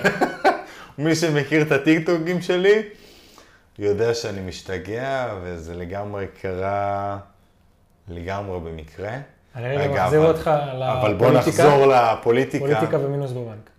פוליטיקה ומינוס בבנק, אני רוצה כמובן שלא ייפתח, נג- כבר אני מקבל התראה התראה מהבנק על זה שבעוד שבועיים עומד להיפתח נגדי תיק בהוצאה לפועל, ואני חייב להסדיר את התשלום, ואני מתחיל להיעזר במכרים, חברים, חברה, מבקש כסף. מבקש כסף. מבייש. מבייש מאוד. אתה מרגיש כמו, כמו סמרטוט. מבחוץ, אתה מנסה להקרין לכולם הצלחה. עורך דין, חליפות. עורך דין, חליפות, פוליטיקה, אתה יודע. פתאום במקרה מצלמים אותי לטלוויזיה, ערוץ 12, לובש חליפה. בואנה, ואומרים, וואלה, רז, שיחק אותה. ובפנים, חלול. אני מרגיש אבוד, חלול. אין לך מושג מה תעשה עם עצמך בעתיד. מה זה בעתיד? אתה כבר ילד גדול, חביבי. תמצא, תמצא כיוון. ההורים, הסביבה, שואלים אותך, מה, מה תעשה כשתהיה גדול? מה תגיד להם, פוליטיקאי? ובמשך שנה שלמה עסקתי אך ורק בפוליטיקה. שזה אומר, שזה אומר שחצי שנה ראשונה הייתי במפלגה אה, בבחירות לכנסת, רצתי, הייתי בכנסים, הייתי באירועים, הכרתי את האנשים הנכונים, ללא תשלום. רק בשביל, אתה יודע, כי רציתי לה, להרגיש משמעותי, רציתי להשפיע, רציתי שאנשים יכירו אותי. להכיר אנשים אחרים, שאנשים אחרים יכירו אותי. היום אני מבין כמה זה שזה חשוב, כמה, אם ניקח את המדיה החברתית, אם אני רוצה להיחשף לכמה שיותר אנשים, אז לא הייתי במדיה החברתית, רציתי גם להיחשף לכמה שיותר אנשים. ו... ואז לאחר מכן המשכתי גם אצל חבר כנסת, בפריימריז של המפלגה שלו, ואז לאחר מכן עבדתי אצל, אה, אצל ציון אמיר, שרץ לראשות לשכת עורכי הדין. זאת אומרת, שנה שלמה עסקתי רק בפוליטיקה ולא בעריכת דין. ובקושי הרווחתי כסף. ושוב, החרב על הצוואר, כי אתה מבין שאתה חייב להכניס כסף, כי אתה מבין שאתה לא יכול אה, להמשיך להיעזר באנשים אחרים, ותוך כדי אתה מנסה לה, להחזיר כסף. עדיין, מאז, קשה לך להחזיר כספים. ואז אני אומר לעצמי, טוב, על החיים ועל המוות, אני פותח משרד. פותח משרד. פותח משרד. בלי לעבוד אה, בלי... בתור שכיר? במשרד? בלי לעבוד. היה לי את הידע מההוצאה לפועל. כן, אבל בדרך כלל... ידע מאוד מאוד תיאורטי בדרך- מההוצאה לפועל. בדרך כלל עובדים כשכירים, נכון? נכון. כדי לצבור ניסיון, ואז כנראה אולי פותחים משרד ואולי מצליחים. אז מה שקרה הוא שניסיתי לחפש עבודה כשכיר, מהמם. ו... והייתי מקבל מלא לא. שכיר בתור אה, עורך דין, בתור עורך דין, לא רציתי לעסוק בה- בהוצאה לפועל, משהו אחר. רציתי פשוט להרוויח כסף. רציתי לעבוד באיזה משרד, הייתי שולח קורות חיים. עכשיו, גם למדת במכללה שהיא לא נחשבת, גם, גם התמחית בהוצאה לפועל, שזה זה נחשב תחום מאוד מאוד נישתי, ספציפי, הוא לא תחום רחב, וגם לא מייחסים לו יותר מדי חשיבות לתחום הזה. מהמם. ואז שום מקום לא רוצה אותך. קשית במציאת עבודה. לא רק שהתקשיתי, אף לא אחד מצאת. לא רצה אותי. לא מצאת עבודה, לא? כאילו הלופ הזה ממשיך. של ה- אפילו הלופ הזה של של הכישלונות ממשיך, אין כסף, לא פה, אין לא שם. כסף, שוב הילדות חוזרת אליי, שוב אני מרגיש לא שווה, כי אף משרד לא רוצה אותי. ובהחלטה, בזמן הזה, בהחלטה אחת אתה אומר, אני פותח על משרד, החיים ועל המוות, כי כבר לא נותרה לי ברירה אחרת. פותח משרד. אף אחד לא רוצה אותך, אף משרד לא מקבל אותך לשורותיו. גם המשרדים, אתה יודע, גם כשאתה מוכן להתפשר, עושים לך טובה, כאילו. בקושי עושים לך טובה. אתה כי אתה לא. מספיק מוערך. אתה יודע, גם למדת מכללה, גם עבדת בהוצאה לפועל. ש... אף משרד לא רצה אותי. אף משרד לא רצה אותי. תוך כדי אתה רואה כבר אנשים, וואלה, כבר שנה עובדים במשרדים, במשרדי עורכי דין, אנשים שלמדו איתך. איפה אתה? מה, מה אתה עושה עם החיים שלך, בן אדם? מה נסגר איתך? גיל 28. אתה כבר לא ילד. אתה חייב לעשות משהו עם החיים שלך. ולא הכרתי משהו אחר חוץ מעריכת דין. למרות שלא רציתי להתעסק בזה, דרך אגב. אבל היית חייב כסף. הייתי חייב כסף. אה, לא היה לך משהו אחר לא היה לי? משהו אחר שהכרתי. הבנתי שבפוליטיקה אני כנראה לא ארוויח כסף, וגם זה, בפוליטיקה זה לא עבודה יציבה. ואני מחליט לפתוח משרד ללא משאבים, בחובות, בקושי עם ניסיון. בקושי, בלי ניסיון. כי ההתמחות היא לא ניסיון. ההתמחות היא ניסיון מאוד מאוד תיאורטי. מהמם. ובחרתי לפתוח משרד בתחום של תעבורה, ולא בתחום של הוצאה לפועל. וזה תחום שאתה לא חי אותו. תחום שלו, אני לא חי אותו, עשיתי קורס מקוצר כזה של אה, מתישהו בתואר. חודשיים, לא, אחרי, ה- אחרי אחרי. שהוסמכתי, עשיתי קורס מזורז כזה של חודשיים מאוד מאוד תיאורטי. אין שם פרקטיקה. והכרזתי על עצמי כעורך דין תעבורה. רז עטיה, רז עטיה, עורך דין תעבורה. עצמאי. עצמאי. ואיך, איך, מה, מה קורה שם? לקוחות, דברים, מה קורה שם? שום לקוחות, שום דבר, אף אחד לא מכיר אותי. כן. אין לי ניסיון בבתי משפט אפילו. אפילו בתי משפט אין לי ניסיון. ואז תוך כדי שאני עצמאי, אני מתחיל אה, לצבור ניסיון קצת מאחי הגדול שהוא מתעסק, ב, התעסק אז בתעבורה, קצת מעורכי דין. הלך, הלכתי לכל מיני בתי משפט לתעבורה, ראיתי איך זה נראה מהצד, mm-hmm. בדיונים, בחקירות, איך עורכי דין מת, מתנהגים, איך הם מנהלים משאים ומתנים, אבל לא עבדתי במשרד. עצמאית, למדת לבד. למדתי לבד. שזה לא משהו שאני ממליץ לעורכי דין לא, בתחילת דרכם. כאילו כל הדרך אה, ממש כל... לא קונבנציונלית. לגמרי. לא, לא שגרתי, בלי, הכל בלי כנגד ניסיון. המוסכמות. ואתה יודע, אתה, אתה מודיע פתאום לחברים, למשפחה, שאתה פותח משרד, והם אומרים לך, מאיפה תביא לקוחות? עזוב מאיפה תביא לקוחות, אין לך ניסיון ואין לך ידע ואין לך כסף. ואיך תשקיע ואיך... עזוב, איך תמתג, איזה תמתג? אין לך כסף אפילו לבניית לוגו. לבני... אין לך כסף לשכור מקום, אין לך, אין לך כלום. ואני מתחיל, אמ, ואין לקוחות, אתה יודע. בהתחלה התחלתי מהבית, אין לי מחשב. התחלתי, אתה יודע, התחלתי לשווק את עצמי, אתה יודע, העליתי כל מיני סטוריז. אה, רז עטיה, משרד עורכי דין, תעבורה. ואנשים, הם, אתה יודע, אומרים לך, בואנה, כל הכבוד, אלוף, תותח. לא יודעים מה קורה. תותח, בואנה, איזה, איזה מלך. מה, סיימת עכשיו את ה... סיימת לפני שנה את הלימודים. אין לך ניסיון, אין לך ידע, אתה פותח משרד. בואנה, חבל. חבל על הזמן. וכרגיל, בתוך תוכי, מרגיש חלול. חלול כי אין לי כלום. יש לי רק את האדם מבחוץ, שזה קצת נעים, על מחיאות כפיים מבחוץ. שכאילו פתחת משרד ואתה בעל עסק, אתה יודע, אתה פתאום, אתה פתאום אה, רואה את כולם, כולם שואלים אותך, מה קורה, מה אתה עושה? אני בעל עסק, יזם, ככה, עם עמידת סופרמן. אתה יודע, עמידת סופרמן, אני יזם, אני בעל עסק. ופתחתי את המשרד בראשון לראשון 2020, ומשרד בתחום של תעבורה. לא היו לי לקוחות. ופתאום חודשיים אחר כך נכנסה הקורונה לחיינו.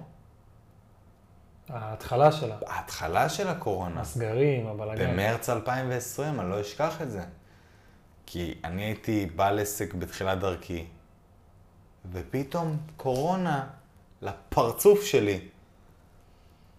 ופתאום, עזוב שאני לא יכול, עזוב שעד אז לא, לא היו לקוחות, פתאום אתה אומר, אין שום זכות קיום למשרד שלי. אין שום, אין שום זכות קיום לעסק כאילו, שלי. אם לא היה כל כך סיכוי לפני. אין סיכוי לפני, אז בטח שעכשיו אין סיכוי. אימא'לה. טוב, אתה רואה את כולם, סוגרים עסקים. בלאגן מטורף. בלאגן מטורף במדינה. כולם פושטים את הרגל. אז אתה, בלי ידע, בלי ניסיון, בלי מקצועיות, בלי כסף, אתה תשרוד את הקורונה ותביא לקוחות? ואתה מרגיש עם עצמך אבוד, וכל הלופ הזה ממשיך. אתה חווה כל הזמן כישלונות, מה נסגר? ובאותם רגעים, כאילו, קיבלתי איזשהו מסר מהיקום, עם עצמי, שזהו, אני לא יכול להצליח. די, כמה סימנים. זה כבר היה סוף. זה כבר די, די. מה, אתה בא, פותח משרד, אומר, יאללה, never give up, פותח משרד, על החיים ועל המוות, בום, קורונה. מה הסיכויים? סיכויים נגדך. סיכויים נגדי לגמרי. מה הסיכויים שאני אשרוד? מה הסיכויים שפתאום תפרוץ הקורונה? כאילו, הכל בא לרעתי, ובאותו רגע אתה אומר, הכל לרעתי. העולם לא רוצה שאני אצליח, העולם לא רוצה שאני אגדל. ואז אני אומר לעצמי, טוב, אולי זה לא בשבילך לפתוח משרד, תחפש עבודה כשכיר. בתור עורך דין. בתור עורך דין. בזמן שאני עצמאי, הרי עורך דין חייב להיות עוסק מורשה. כבר פתחתי, כבר פתחתי עוסק מורשה. בוא נעשה איתו משהו. עורך דין רז עטיה. עכשיו, לא בוא נעשה איתו משהו. פשוט לא, אמרתי, אני לא יכול לעשות כלום. כי יש רגע, אם אתה הולך קורונה. לעבוד בתור שכיר, אתה... אתה לא צריך עוסק מורשה, אה, אתה אתה לא שכיר. צריך עוסק מורשה. אתה שכיר. אוקיי. חשבתי שאם אתה... אוקיי. אז חיפשתי עבודה כשכיר, ופתאום מצאתי איזה משרד בתחום של הוצאה לפועל, עוד פעם מצא לו. כשכיר. אמרתי, התפשרתי, אתה יודע. בתקופת הסגר. מה שיש אתה לוקח. מה שיש אני לוקח, אני חייב קצת כסף, לנשום אוויר. די עם כל הלחץ הכלכלי הזה. ואז התקבלתי לעבודה, תקופת הסגר הראשון, מתחיל לעבוד במשרד עורכי דין של הוצאה לפועל, ו... דווקא להם היה הרבה עבודה בקורונה, כנראה. והיה להם הרבה עבודה, ופתאום אני אומר לעצמי, בשעה הראשונה שלי במשרד, בואנה, אתה לא צריך להיות פה, מה אתה עושה פה? עוד פעם, זה לא המקום הטבעי שלך. עוד פעם. מה אתה עושה פה? וכאילו ככל שהשעות עברו, אני לא אומר לך שנים, אני לא אומר לך. ימים. ש... ככל שהשעות עברו, והיית חייב את העבודה הזאת. הייתי חייב את העבודה הזאת, ועד שסוף סוף מישהו קיבל אותי לעבודה, אתה סופר את השעות, אתה אומר לו, אני אני לא סופר פה. את השעות, אני אומר, בואנה, אני לא יכול להיות פה. אני לא מסוגל, אני לא רואה את עצמי עובד כשכיר. וסיימתי את היום הזה, זה היה יום ראשון, יום ראשון בשבוע, סגר ראשון, כולם בב- בבית, כי יוצאים, אני עורך דין, אז אני יכול לצאת מהבית. ויום למחרת אני מגיע, עובד כמה שעות, אני אומר, בואנה, אני לא מסוגל להיות פה, לא מסוגל להיות פה, לא מסוגל להיות פה. אני בא למעסיק, אני אומר לו, תקשיב, אני מתפטר. הוא אומר לי, מה? אני לא מאמין לך. אני אומר לו, תקשיב, אני לא מסוגל להיות פה. זה לא המקום שלי. הוא אומר לי, תקשיב, הסיכוי שלך בתור עורך דין מתחיל למצוא, בתור עורך דין צעיר, מתחיל בתחילת דרכו, הסיכוי שלך למצוא עכשיו עבודה במשרד אפסי. הוא אפסי. על אחת כמה וכמה כשמדובר ביוצא מכללה לא מובילה בכלל, ובזה שהתמחיתי בהוצאה לפועל, שזה תחום מאוד נישתי וספציפי. ואז אתה יודע, אתה נצמד עם הגב לקיר, אין לך יותר סיכוי לכלום, ואז אתה אומר, טוב, אני הולך על המשרד בכל הכוח, איזה משרד? המשרד שלי. חוזר ל... חוזר לעבוד, לח- לגושש אולי איזה כמה לקוחות, לקוות שתהיה עבודה. לקוות שתהיה עבודה. לא המשכת שם. לא המשכתי. וואו. אחרי 24 שעות זאת אומרת, לאורך, התפטרתי מהעבודה. לאורך כל הזמן בעצם, למרות זה שלא היה לך כסף, היית חנוק, כמו שאתה אומר, מבחינה כלכלית. לגמרי. למרות כל הדבר הזה, לא הפסקת לרגע להקשיב לעצמך, וכשהרגשת שזה לא זה, אז זה לא זה. ולא משנה עכשיו בחוץ, וכמו שאמרת מקודם, הבחוץ לא שינה, יותר שינה לך בפנים, והבפנים לא ישב לך, אמרת, זה לא המקום שלי, ולמרות הכל, עם הבפנים לא הרגשתי שלם עם עצמי. ולמרות כל המצב, החלטת... ו- החלטתי כנגד עם- כל הסיכויים הלכת עם עצמך. להתחיל לנהל משרד בתקופת הקורונה, בתקופת הסגר. ואתה יודע, אין לך יותר מדי אמצעים. אני רוצה להתחיל, איך אתה מביא, איך אתה מגייס לקוחות ראשונים? דרך שיווק. קצת מאוד קשה לשווק בתקופת הקורונה, גם אין לך כסף, אין לך אמצעים, אין לך ידע. זה גם לא, זה לא בעל עסק שעכשיו, אה, אתה יודע, הופך להיות איזה coacher או מאמן או לא יודע מה. אתה עורך דין, יש לך fucking אחריות על אנשים. יש, אסור לך פתאום לעשות איזה פשלה, רשלנות מקצועית, אתה יודע, דברים כאלו. השם שלך, בטח, הכל. ש... עוד אין לך שם, אבל אתה פוחד, אתה פוחד להשחיר את השם שעוד אין לך. ואני מתחיל, ובאותו רגע אני אומר, אני אומר עם עצמי, ואני אומר לכל אותם עורכי דין בתחילת דרכם שצופים בנו, ולכל בעל עסק שצופה בנו, באותו רגע אני אומר לעצמי, אני פשוט לוקח כתר דמיוני, שם אותו על הראש ומכתיר את עצמי כעורך הדין הכי טוב בכל היקום, מבלי שיש לך את הכסף, את הידע, את הניסיון, את... מבלי שיש לך כלום. אתה מכתיר את עצמך כעורך הדין הטוב ביותר. אתה אומר לעצמך, מעכשיו זה אני כנגד כל הסיכויים, זה אני כנגד העולם, זה אני כנגד כל האנשים שמאז גיל צעיר ועד אז לא האמינו בי, זה אני כנגד כל הסיכויים. וזה נתן לי את התמריץ להמשיך בכל הכוח. והייתי משווק את עצמי. והייתי מנסה לקושש לקוחות, וכל כל פרוטה שהייתי לוקח, הייתי שם אותה על שיווק. עכשיו, מה זה שיווק? זה בניית לוגו, זה בניית אתר. התחלתי לשווק את עצמי קצת בסטוריז, באינסטגרם, לא יותר מדי. ולמען האמת, בכל שנת 2020, אוקיי? Mm-hmm. בקושי לי לקוחות.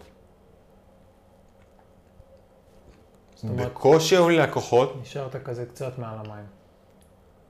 נשארתי קצת מעל המים. קצת. כי לקחתי הלוואה אה, מהבנק, אוקיי, אז היו הלוואות. ופירקתי את כל החסכונות, אולין, ופירקתי את כל הכספי פנסיה שהיו לי, אולין. ממש. האמנת בעצמך, שמת. הכל, כולל הלוואה, כולל הכל. מה עושה בן אדם שמכריז על עצמו שהוא הכי טוב שיש? אולין. הולך in. מה שיהיה, יהיה. די, כבר אין לך, אין לך משהו אחר לעשות. אתה כבר בתוך זה. לא מצאת עבודה כשכיר, לא מצאת דברים אחרים. כל הסיכויים נגדך, וזה נותן לך את המנוע הכי גדול לצמיחה. אולי אצלך. אני חושב שהרבה אחרים היו, הרבה אנשים היו אחרים... מוותרים ב- במצב שלך. נכון, לגמרי. הרבה היו מוותרים. כי כשכל הסיכויים נגדך, אז ברור שאתה תוותר. אבל לאורך כל החיים, אם נסתכל אחורה, ברגע שהרגשתי קצת לא שלם עם עצמי, אז לא נשארתי במקום הזה. לא נשארתי במקום הזה. אני חייב להרגיש בן אדם שלם עם עצמי. שאני עושה באמת את מה שבא לי לעשות, אני עושה את מה שיש לי תשוקה אליו. לא הייתה לי תשוקה לעריכת דין? הלכתי לפוליטיקה. לא היה לי סיכוי בפוליטיקה? פתחתי משרד, כי זה היה הדבר הכי נכון לעשות. לא פתחתי משרד ממנוע של תשוקה, ממנוע של עשייה, של עזרה לאנשים אחרים. פתחתי את המשרד ממנוע של הישרדות, קיומית. אשכרה הישרדות קיומית. ובשנה הראשונה אין לי לקוחות. שנת 2020, שנת הקורונה, הייתי חייב לקחת הלוואות, והלכתי all in, השקעתי הכל בעסק. אה, לא הייתי יוצא, לא הייתי רואה אנשים. אה, ניתקתי את עצמי מכל הסביבה, ואמרתי שאני חייב סוף סוף להצליח. עזוב להצליח, להרגיש משמעותי. אמרנו, האדם מחפש משמעות? אמרתי, די, all in, אני הפעם מחפש את הדבר הזה שאני רוצה לעשות לאורך כל החיים, אולי רוב החיים. ושנת 2020 באמת שנה גרועה לכל הדעות. שנת 2021, פתאום, אתה יודע, אני מתחיל לשווק את עצמי. והלקוחות מתחילים להגיע מפה לאוזן. בהתחלה הייתי לוקח עבודות בחינם, דרך אגב. הייתי מייצג אנשים בחינם, רק בשביל שיכתבו לי מכתבי המלצה. מדהים. אחלה דרך. וזה אחלה דרך להתחלה. לכל בעל עסק להתחלה. שרוצה, שרוצה כמה שיותר, אתה יודע, ביקורות טובות. כן. אין לך לקוחות, אין לך לקוחות, תביא לקוחות. תביא לקוחות בחינם. בחינם. בתמורה להמלצה. בתמורה להמלצה. אז התחלת לאסוף המלצות. התחלתי לאסוף המלצות, אבל התחלתי לפרסם את ההמלצות כאילו משרד עורכי דין, מיליון דולר. התחלתי לפרסם את זה בכל מקום, פתחתי עמוד עסקי, אתה יודע, התחלתי פתאום ללמוד את עולמות השיווק. וואלה, התאהבתי בזה. הכל התחלתי- לבד, נכון? התחלתי לאהוב את זה, לא היה לי כסף. הכל לבד. בהתחלה לקחתי איזה איש מקצוע, מהמם. אה, שישווק בשבילי, וזה היה נראה כל כך גרוע, ואמרתי לו, עזוב את זה בצד, התחלתי גם קידום ממומן בפייסבוק, ואז הבנתי שזה גם טעות, כי אתה לא יכול, זה גם לרוב, לכל בעלי עסקים. כבעל עסק שאף אחד לא מכיר אותך, אתה לא יכול פתאום לצוץ למישהו בפרסום ממומן, ולקוות שזה יעבוד. ולקוות שזה באמת יעבוד. לגמרי. זאת הטעות הכי גדולה, ורוב בעלי העסקים הולכים לטעות הזאת ומממנים את מרק צוקרברג ואת גוגל ומשלמים עשרות אלפי שקלים בשביל קידום ממומן. הבנתי שהבן אדם שמכיר את העסק שלי הכי טוב, זה אתה. זה אני. אף אחד לא מכיר את העסק שלי. לא מרק צוקרברג, לא הבעלים של גוגל ולא משווק ממתג כזה או אחר. רק אני מכיר את העסק שלי. והתחלתי לשווק את עצמי. לא הבנתי בדיוק מה אני עושה, לא הבנתי איך אני עושה. התחלתי באמת, אבל התחלתי באמת לצלול לעולם הזה של ההתפתחות האישית, כבר בתחילת הקורונה. כשהיו סגרים, התחלתי לקרוא ספרים, התחלתי להגיע להרצאות, כשהיו, התחלתי לצלול לעולם הזה של ההתפתחות האישית, שבסוף, מה הוא אומר לך? שאתה הכל יכול. לגמרי. שאתה הכל יכול בסוף. תעשה מה שאתה... וזה מה שרציתי לשמוע. שאתה יכול לעשות את זה. אתה יכול כנגד כל הסיכויים לנצח את העולם. וזה אשכרה עזר לי, והתחלתי לקרוא ספרים. התחלתי להשאיר את הידע שלי. ולמרות שבאותם רגעים, אתה יודע, אתה לא חווה איזו הצלחה מטאורית, עם עצמך אתה מרגיש טוב. אתה מרגיש שלם עם עצמך, אתה פתאום, אתה פתאום קורא על כל מיני אנשים שחוו כישלונות, חוו קשיים והצליחו בסוף. אז אם הם יכולים, אז למה אני לא יכול? וניתקתי את עצמי עם, עם כל מה שקרה בעבר, והסתכלתי לעבר העתיד. כאילו כבר השתנתה לך התפיסה. השתנתה לי התפיסה, לא אגיד שהאמנתי בעצמי, לא... כמו באמת, אה, כמו שבאמת בן אדם צריך להאמין בעצמו בתחילת הדרך, אבל האמנתי בעצמי הכי טוב שאני יכול. אז. אז, כן. כי היום והתחלתי... אתה בטח מאמין הרבה יותר. כאילו לזה... ככל שאתה חווה יותר הצלחות, וככל שיותר ויותר אנשים מהצד מוחאים לך כפיים ואומרים לך אתה טוב, וככל שאתה מצליח להתגבר על הגבולות האלה של הלחץ, של הקושי, של הפחד, אה, ככה אתה יותר מאמין אתה בעצמך. יותר מאמין בעצמך. מתי היה הפיצוץ הגדול? הפיצוץ הגדול זה היה כשהתחלתי, התחלתי פשוט לכתוב על עצמי, למעשה בשיווק עצמו, התחלתי לכתוב על עצמי, והתחלתי פשוט אה, פתאום לכתוב על, ה... על זה שעוד לפני כן, אה, בתקופת הסגר, הרי אמרתי לך, לא מצאתי עבודה, לא הייתה לי עבודה, וחוויתי קושי וכל זה. ואז הכרתי בחורה, ומצאתי את עצמי נוסע אליה בזמן הסגר. בזמן הסגר הראשון, מצאתי את עצמי נוסע אליה, נפגשנו אצלה בבית, כי לא היה איפה להיפגש, אסור היה לצאת מהבית, איזה תקופה הזויה. תקופה מטורפת, ופתאום אני מוצא את עצמי מתאהב בפעם הראשונה בחיים. כי בעצם לא היה לך זמן. כי בעצם גם לא היה לי זמן, לא לא, לא הייתי זה. פנוי לזה, לא חיפשתי בזה, ובאותה תקופה, בתחילת שנת 2020, פתחתי את העסק, הרגשתי בודד באמת עם עצמי. כי א', הרגשתי באמת בודד, ב', כל בני האדם הרגישו בודדים בתקופת הקורונה. ופתאום הכרתי מישהי, והתאהבתי בה. והיינו נפגשים אה, בעיקר אצלה, היא בדיוק למדה למבחני לשכה דרך אגב.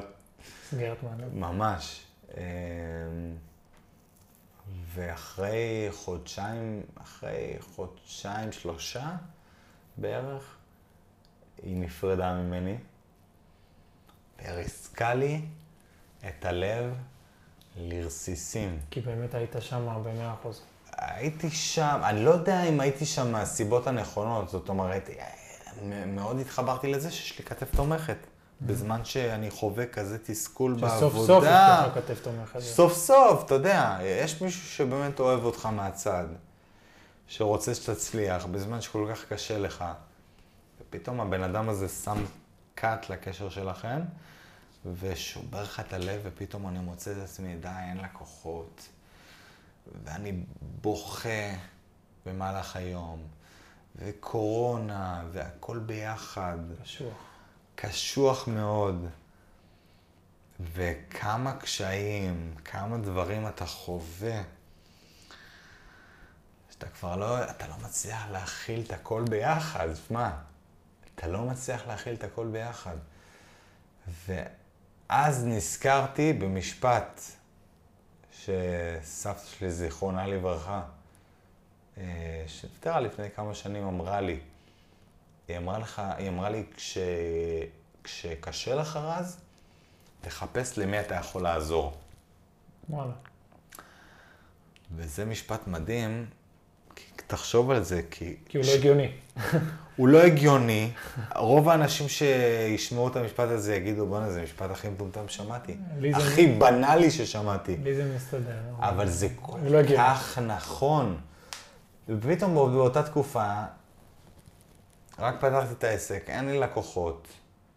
קצת עולם התפתחות האישית וזה, אבל אתה יודע, אין לי יותר מדי, יש לי את הקשר הזה, את הזוגיות. אה, בדיוק נפרדנו, הכל ביחד, קצת חובות, קצת פה, קצת פרידה, הכל מהכל. ופתאום אני מתחיל לעזור לאנשים אחרים. לא, אני לוקח אה, תיקים בחינם, גם בשביל הפרסום, חלק בשביל באמת לעשות טוב, להרגיש טוב עם עצמי. פתאום התחלתי לחלק סלי מזון לניצולי שואה. וואלה. התחלתי לחלק סלי מזון לניצולי שואה, ממקום של בא לי לעזור. ממקום של וואלה, בא לי לעזור, ופתאום אני קולט שכל הנתינה הזאת ממלאת אותי באנרגיה. זה מטורף. כי רע לך, ובמקום להישאר ב... בכל הרע הזה, להישאב לזה. להישאב לתוך זה, אתה יוצא מעצמך, מביט ימינה, מביט שמאלה, ובודק למי אתה יכול לעזור. אשכרה. לא ממקום של... אה, ממקום קצת אגואיסטי, כי מצד אחד אתה, אתה רוצה לעזור, מצד שני זה בשביל לעשות טוב לעצמך. נכון. ואני מרגיש שזה וואלה ממלא אותי באנרגיה. כל זה שאני עוזר לאנשים. אמ, כי כשאתה מביא סל מזון לניצול, לניצולת שואה בת 80, שזה הזיה שהמדינה לא דואגת לה, אז אה, והיא פתאום, אתה דופק לה בדלת, והיא רואה את הסל מזון. עכשיו, זה אפילו לא סל מזון עשיר, זה שקית עם כמה מוצרים, מוצרי מזון בסיסיים. אני, אני מספר את זה, בא לי לבכות, באמת. מוצרי מזון בסיסיים לניצולת שואה, כיכר לחם, כמה מוצרים, כל, הס, כל הסל מזון הזה היה בשווי של 50 שקל, 60 שקל, והיא פותחת לי את הדלת והיא אומרת, וואו, תודה רבה, תודה רבה לך, תודה רבה שאתה עושה את זה. בוא. תיכנס, אני נכנס, והיא מתחילה לבכות, וניצולת שואה. וזה להרגיש משמעותי עבור אנשים אחרים. מדהים. זה, זה להרגיש משמעותי עבור אנשים אחרים. שאתה בן- עוזר לבן אדם, ופתאום אתה, אתה לא חושב על הצרות שלך בכלל. אתה חושב נטו על הבן אדם האחר. באותו רגע שאני אני עוזר לניצולת שואה, או שאני עוזר למישהי, למישהי, אם חד-הורית, שיש לה תיק בהוצאה לפועל, ואני עוזר לה עם זה, וואלה, אני לא רק עוזר לה, אני לא רק עוזר למשפחה שלה, אני עוזר גם לעצמי. מדהים. כי אם לך לא טוב, ואם לך רע, אז תחפש למי אתה יכול לעזור. ו... ואז אה, לקחתי את זה כסוג של סטארט-אפ.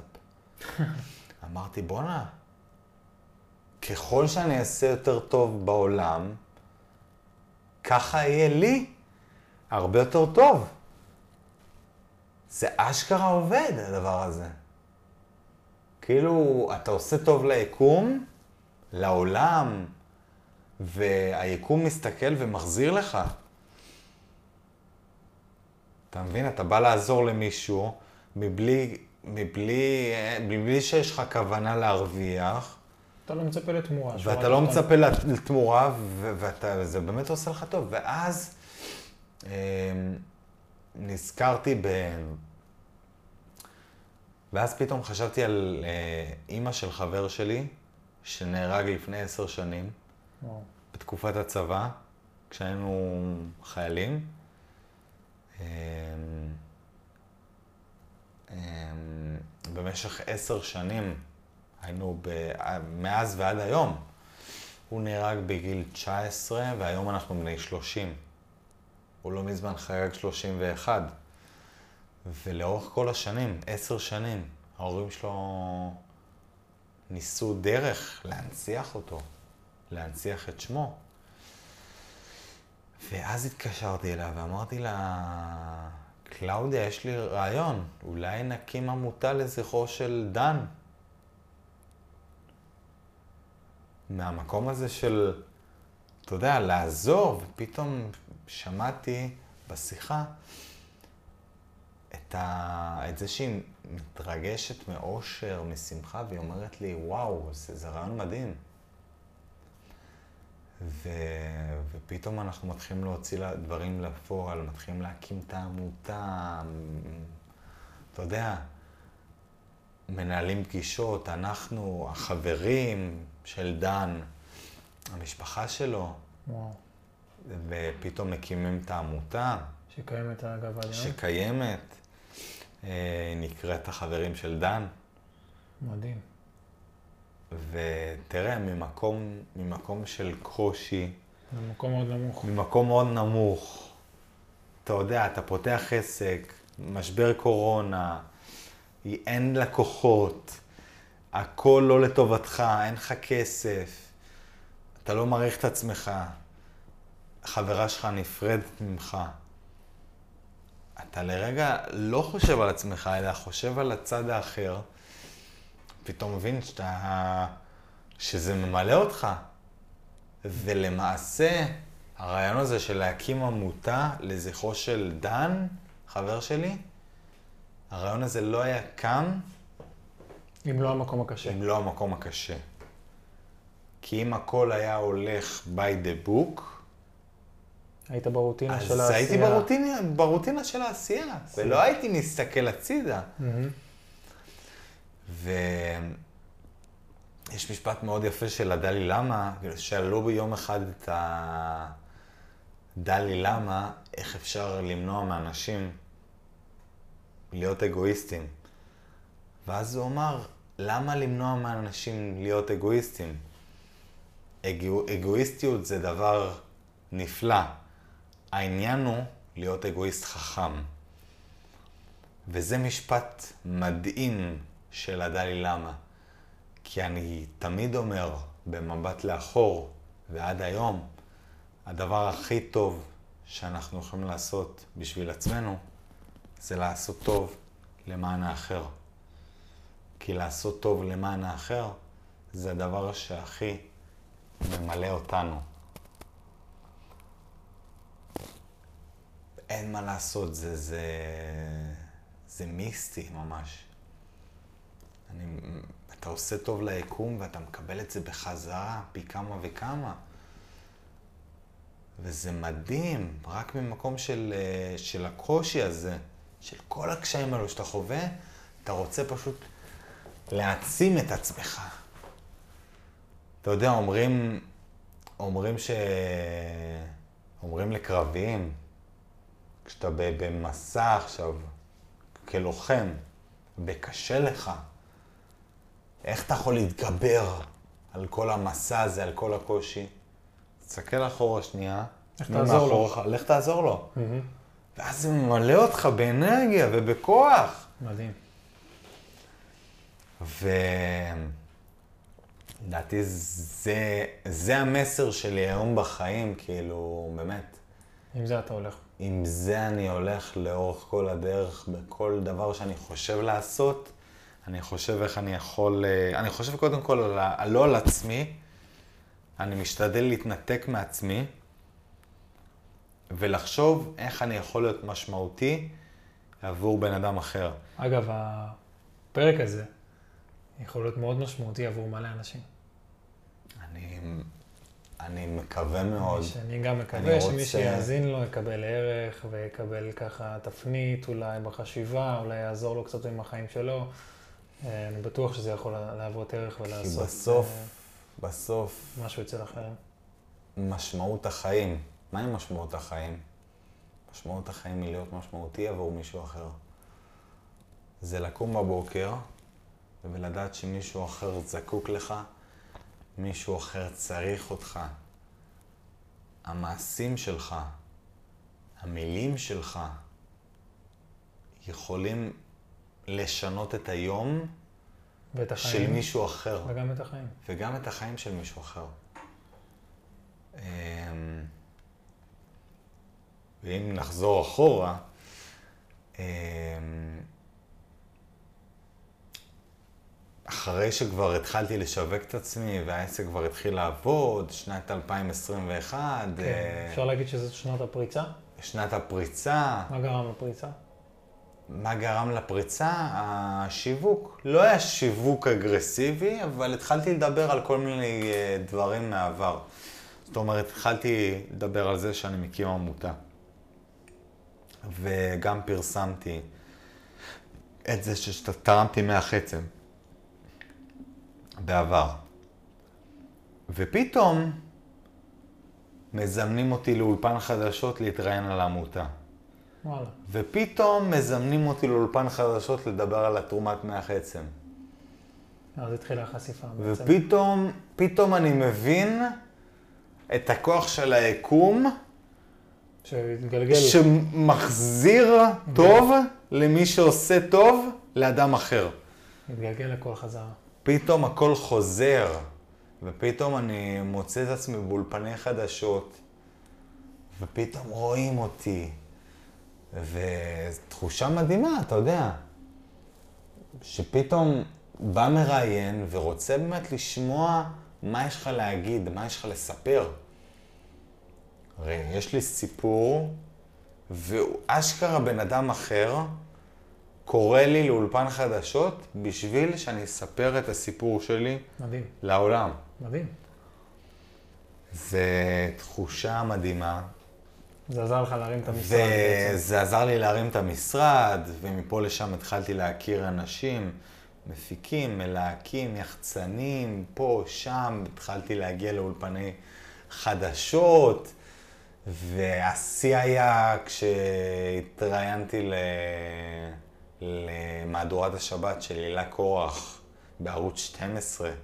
וואו. שזה פריים טיים מטורף. ואחרי זה מה, יש מבול של פניות? האמת שלא כמו שחושבים. לא כמו שחושבים, אוקיי. כי בסוף, בסוף הטלוויזיה היא לא כמו פעם. פעם זה היה ממש. פעם זה היה ממש. אז כן, התחלתי לפרסם את כל ה... אפילו לא התחלתי לפרסם. אתה קולט שהייתי מצטלם והייתי מתראיין באולפני טלוויזיה, ולא היה לי אומץ לפרסם את זה כפוסט למה? באינסטגרם. למה? למה? אמ, מה, זה לא מספיק? שאלה טובה, זה אולי... זה לא מספיק מעניין אחרים? אולי... מה, מה, מה חשבת על זה זה? יישמע קצת עצוב, קצת רדוד, פחדתי שלא יהיו מספיק לייקים. אז. אז. היום אתה לא חושב ככה. פחדתי שאולי אני מושך יותר מדי תשומת לב.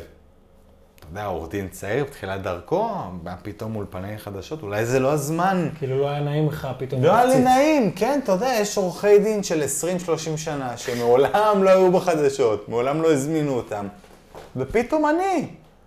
מי אני בכלל שיזמנו אותי לאולפני חדשות? מה קורה פה? ואין לי את האומץ. ועד אז מה השתנה? לפני, עד לפני חצי שנה, מהמם.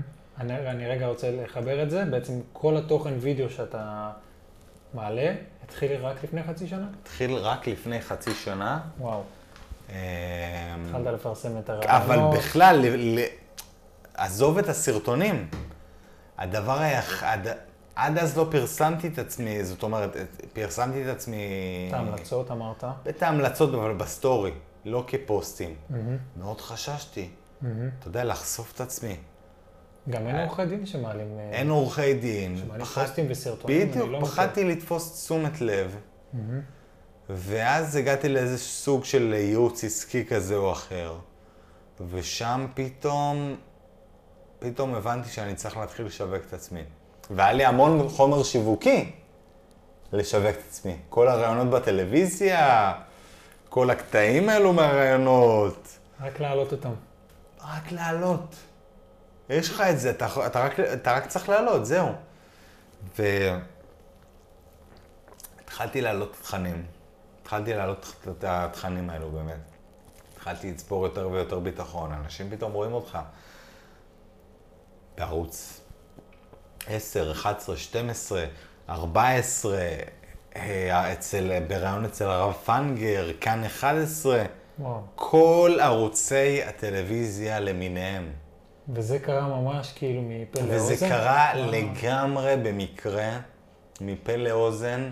זה נטו התחיל בזה שסיפרתי על תרומת מח עצם, מהמם, ועל על זה שהקמתי עמותה, מהמם. ומלהקים, אתה יודע, שהיו צריכים בדיוק איזה סיפור. סיפור, כזה מרגש, לקחו אותי לאולפן, התחלתי להכיר, ופתאום התחילו לזמן אותי לרעיונות, התחילו, התחילו אשכרה לראיין אותי. לא על עריכת דין, כי אני לא משלם על הרעיון, אלא אני בא לי להתראיין על מה שאומרים לי להתראיין עליו. מדהים. ופתאום אני בא, מתראיין על פוליטיקה. ומי יותר ממני מבין בפוליטיקה? אני תמיד לאורך כל החיים, אתה יודע, אומרים לנו, אל תראו חדשות. אני מכור לחדשות. אני מכור לחדשות. מאיזה סיבה? מהסיבה הזאת ש... אני אישית, מהס- לא, אני אישית לא מסוגל, אבל... אני יודע, איזה כי. כי, כל ה... כי כל העולם ההתפתחות האישית מבוסס על כך שאסור לך להיחשף לתכנים שליליים. אתה, אתה צריך להיחשף לתכנים חיוביים. אז אני אומר, נהפוך הוא. אתה חי במדינת ישראל, לדעתי, אתה צריך להיות אקטואלי לגבי מה שקורה במדינת ישראל. וגם זה משרת אותי. כי בסוף אני הרבה פעמים מעלה תכנים שקשורים למצב האקטואלי, ומדבר על הבעיות. ומדבר על דברים שמעצבנים אותי במדינה, יוצר מלא- וזאת אחת התשוקות שלי. זה גם יוצר מלא חשיפה. זה יוצר חשיפה, ומעבר לזה, זה, זה התשוקה שלי. כן? זה תשוקה שלי. אתה רואה את עצמך חוזר לפוליטיקה?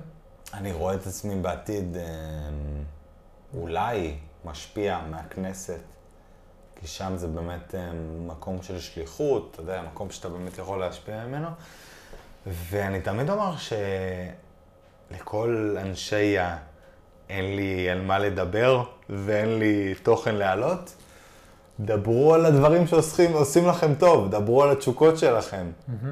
דברו על התחביבים שלכם. זה התחביב שלי. התחביב שלי זה לראות מהדורת חדשות בערב יום שישי. וואו, אשכרה ככה. אתה מפתיע אותי. אני, אני אשכרה כל יום שישי, אחרי הקידוש, אני יותר טיפוס של בית למען האמת. כן, זה... אנשים זה רואים אותי מבחוץ וחושבים שאני טיפוס פרוע. אתה יודע, עם כל הטיק טוק וכל הפרסום, וואלה, בסוף אני בן אדם של בית. אני אוהב לשתות את התה עם הלימון והאננה שלי בערב יום שישי, אחרי הקידוש, הכי זקן בעולם, ולצפות בפאקינג חדשות. האמת שהפתעת אותי. כן, ואני אשכרה אוהב את זה. אני מקשיב לחדשות ברדיו, ואני כל הזמן מתעדכן, ואני לפעמים מדבר על זה, מלא סרטונים שקשורים לזה, ומביע את דעתי. לא, כבר לא חושש, לא מפחד, מעלה סרטונים. זהו, בדיוק. ואז אה, אני אספר לך איך הכל התחיל. איך התחלתי לעלות סרטונים? זה נבע ממקום של פחד.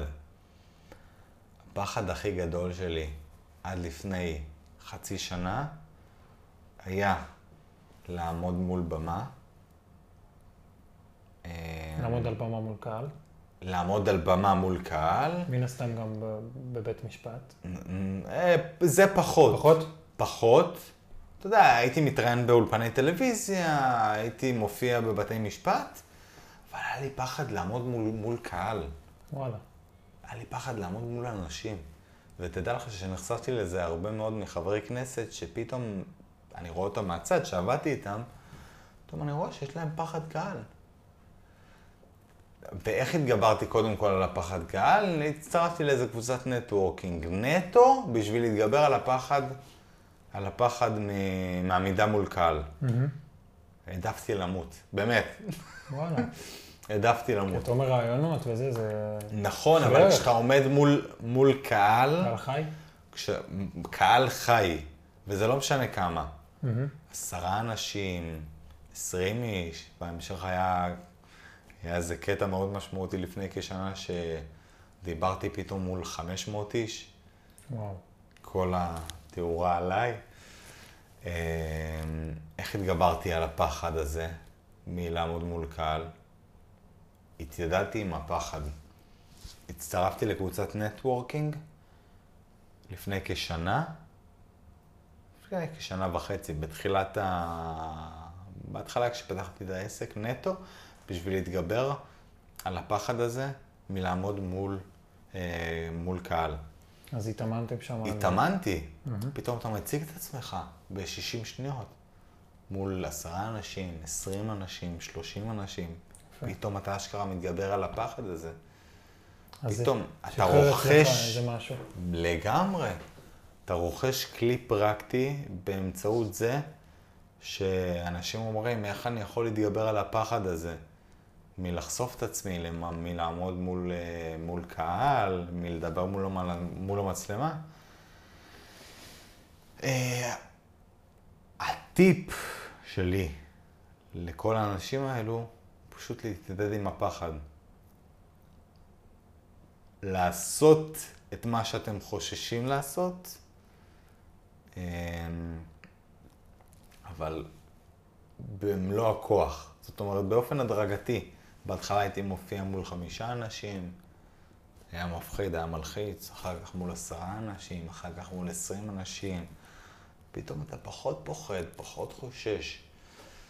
אמ, וגם אתה, יש לך ביטחון עצמי פתאום. פתאום עולה הביטחון העצמי. מהמם. ככל שאתה מתגבר על יותר ויותר חסמים של פחד. בטח. יש לנו כל הזמן חסמים בחיים של פחד, שאפשר לשבור אותם. שאפשר לשבור אותם. זה הסוד. לגמרי. אנשים אומרים, טוב, לא, אני מפחד, אז אז לא. אז לגמרי, להתיידד עם הפחד. והחלום הכי גדול שלי, עד לפני חצי שנה, היה לצלם סרטונים ברשת. לחשוף את עצמי. ממש פחדת מזה. ממש פחדתי, אמרתי, בואנה, איך אני... על א', על מה אני אדבר? ב', איך אני אעלה סרטונים כשאני לא נראה כמו אידיוט? לא ידעתי איך עושים את זה. ובום, קיבלתי החלטה פשוט לעשות את זה, ו... והסרטון הראשון שהעליתי אותו לטיק טוק, היה הפעם הראשונה שעמדתי מול מצלמה. וואלה, דרך אגב, זה היה הפעם הראשונה. זאת הייתה הפעם הראשונה. הפעם הזאת שאתה עומד מול מצלמה ואתה אומר, וואו, זה אשכרה קורה. הפחד הכי גדול שלי. אמ, העלינו את הסרטון, העליתי- העליתי את הסרטון הראשון שלי לטיקטוק, הגיע לחשיפה של 130 אלף צפיות בסרטון הראשון. היית בהלם? בהלם טוטאלי, לא האמנתי, אמרתי, בואנה, מה קורה פה? מה נסגר? אשכרה, אנשים מתעניינים במה שיש לי להגיד? דיברתי על תעבורה. אשכרה, אנשים מתעניינים במה שיש לי מאיפה להגיד. בא באמת הרעיון? אני, אגב, הרעיון צופה, של צופה הדוק בסרטונים שלך, אז אני הרעיון יודע על של מה אתה מדבר. התעבורה, כן, על כל החוקים, איזה מאיפה בא כי הרעיון. בהתחלה חשבתי לדבר על ההוצאה לפועל. אבל אז אמרתי, משעמם. את מי זה מעניין ההוצאה לפועל? זה לא מעניין אף תעבורה אחד. מעניין את כל המדינה. תעבורה מעניין את כל המדינה, זה אשכרה, אשכרה עניין משפטי. אני יכול בעצם להנגיש ידע משפטי דרך סרטונים. דרך סרטונים לקהל מאוד מאוד גדול, מדהים. ועל הדרך לעשות טוב לאנשים אחרים. לעזור להם. לגמרי. עכשיו, זה גם החוכמה. לא נכנסתי, לא התחלתי לצלם סרטונים בשביל להביא לקוחות. התחלתי לצלם סרטונים בשביל להרגיש טוב עם עצמי. בשביל להתגבר על, ה... על הפחד. הפחד הזה. ועל הדרך, לעזור. לעזור לאנשים אחרים. ואומנם היו הרבה צפיות בסרטונים הראשונים, אבל לא היו לקוחות. בהתחלה לא היו לקוחות מזה, לא הגיעו לקוחות. אבל המטרה בראש ובראשונה היא לא להביא לקוחות. זה לא מה שהניע אותי בסרטונים. מה שהניע אותי בסרטונים ולאורך כל החיים זה להרגיש משמעותי, זה לעורר השראה באנשים אחרים, זה לצאת מגבולות הפחד, אותם ערכים בעצם אותם ערכים לאורך אותך. כל הדרך. ליוו אותך לאורך כל הדרך. התוצאה הזאת, שאם יש, יש לקוחות או אין לקוחות מזה, לא עניינה אותך. היא לא עניינה אותי והיא לא הגדירה אותי. מדהים. וכל הזמן, לאורך כל הדרך, אנשים, מה אנשים אוהבים לשאול? מה יוצא לך מזה? מגיעים לקוחות? שאלה ישראלית. ולך תסביר לבן אדם, לך תסביר לבן אדם שאתה עושה את, את מה שאתה עושה, לא בשביל להביא לקוחות, אלא בשביל להרגיש משמעותי עבור כל כך הרבה אנשים אחרים, בשביל פתאום לבנות קהילה. זה הרבה יותר גדול מלקוחות. אנשים, אתה יודע מה דופק את, ה, את האנשים? מה דופק את רוב האנשים? שמסתכלים רק על הכאן ועכשיו. בן אדם פותח עסק, הוא לא מצליח לשווק ולהביא לקוחות, סוגר את העסק. בן אדם בא, מצלם סרטון ראשון, סרטון ש- שני, שלישי, לא עבד? עשרה סרטונים, עשרים סרטונים, לא עבד? בוא נסגור. לא עבד, בוא נ- נפסיק בוא עם זה. נעצור. בוא נפסיק עם זה. זה, זה, זה, זה הדבר הזה שדופק את הבעלי העסקים בישראל שאין להם סבלנות. בוא, רגע, סבלנות. תראה אותך, וואו, איזה סיפור. בדיוק. כוחה של התמדה. הכוח של כוח רצון. כאילו, רגע, זה לא, זה, זה לא אמור להיות קל. אנשים לא מבינים שזה לא אמור להיות קל. זה אמור להיות קשה. ובסוף, כשהכל יסתדר, או כשהרבה דברים יסתדרו, אתם תסתכלו לאחורה, תגידו, אוקיי, הבנתי. ותגידו, אוקיי, הבנתי. הכל היה צריך לקרות כמו שקרה. בדיוק כמו אצלך. בדיוק. זה ממש סוגר לנו את ה... בדיוק. כל הסיפור. פתאום כל הנקודות מתחברות. מדהים. הייתי צריך לחוות את הקושי הזה בילדות, והייתי צריך לחוות את הקושי הזה במסגרות, והייתי צריך להיכשל במבחני לשכה, והייתי צריך להרגיש את הקושי הזה בהתמחות בהוצאה לפועל, והייתי צריך להרגיש את הקושי, את הקושי החזק הזה שאף משרד עורך דין לא רוצה אותך, ואתה נכנס לחובות, ואתה מרגיש מה זה להיות בתחתית של התחתית. ודווקא ממקום כזה, שבמשך 28 שנה אתה מרגיש כישלון, זאת ההזדמנות שלך, אם תרצה ותעשה את הפעולות הנכונות, לפרוץ גבולות שלא חשבת אי פעם שתפרוץ. מהמקום הזה, זאת ההזדמנות שלך להגשים את כל החלומות הכי גדולים שלך, שאי פעם לא חלמת שתגשים, כשעוד היית ילד. עזוב כשעוד היית ילד, עוד לפני שנתיים. פתאום אני מסתכל על זה היום, אתה יודע, אחרי שנכנסתי לרשת. וכן, בהתחלה, בסרטון הראשון, אמ, לא רק שלא ראיתי מזה לקוחות, אלא שקיבלתי הרבה מאוד ביקורות קשות מאוד. מקולגות בטח, עורכי דין? מקולגות, בני אדם. אה, הסרטונים שלי בטיקטוק הם מאוד לא שגרתיים. למי שלא מכיר, אני, בחלק מהסרטונים אני מדבר פשוט עם תנועות ידיים. מי שלא מכיר חייב לראות, ואני חייב לשאול, בנק... אני חייב לשאול בנקודה איך הזו, זה קרה? מאיפה זה הגיע. כי זה תפס וזה מופיע בכל סרטון, וזה כבר... ויש מאות חיקויים. זה כבר הדמות שלך, וזה כבר כן. עם החיקויים, בדיוק, אז מאיפה זה איך בא? זה קרה? אמ.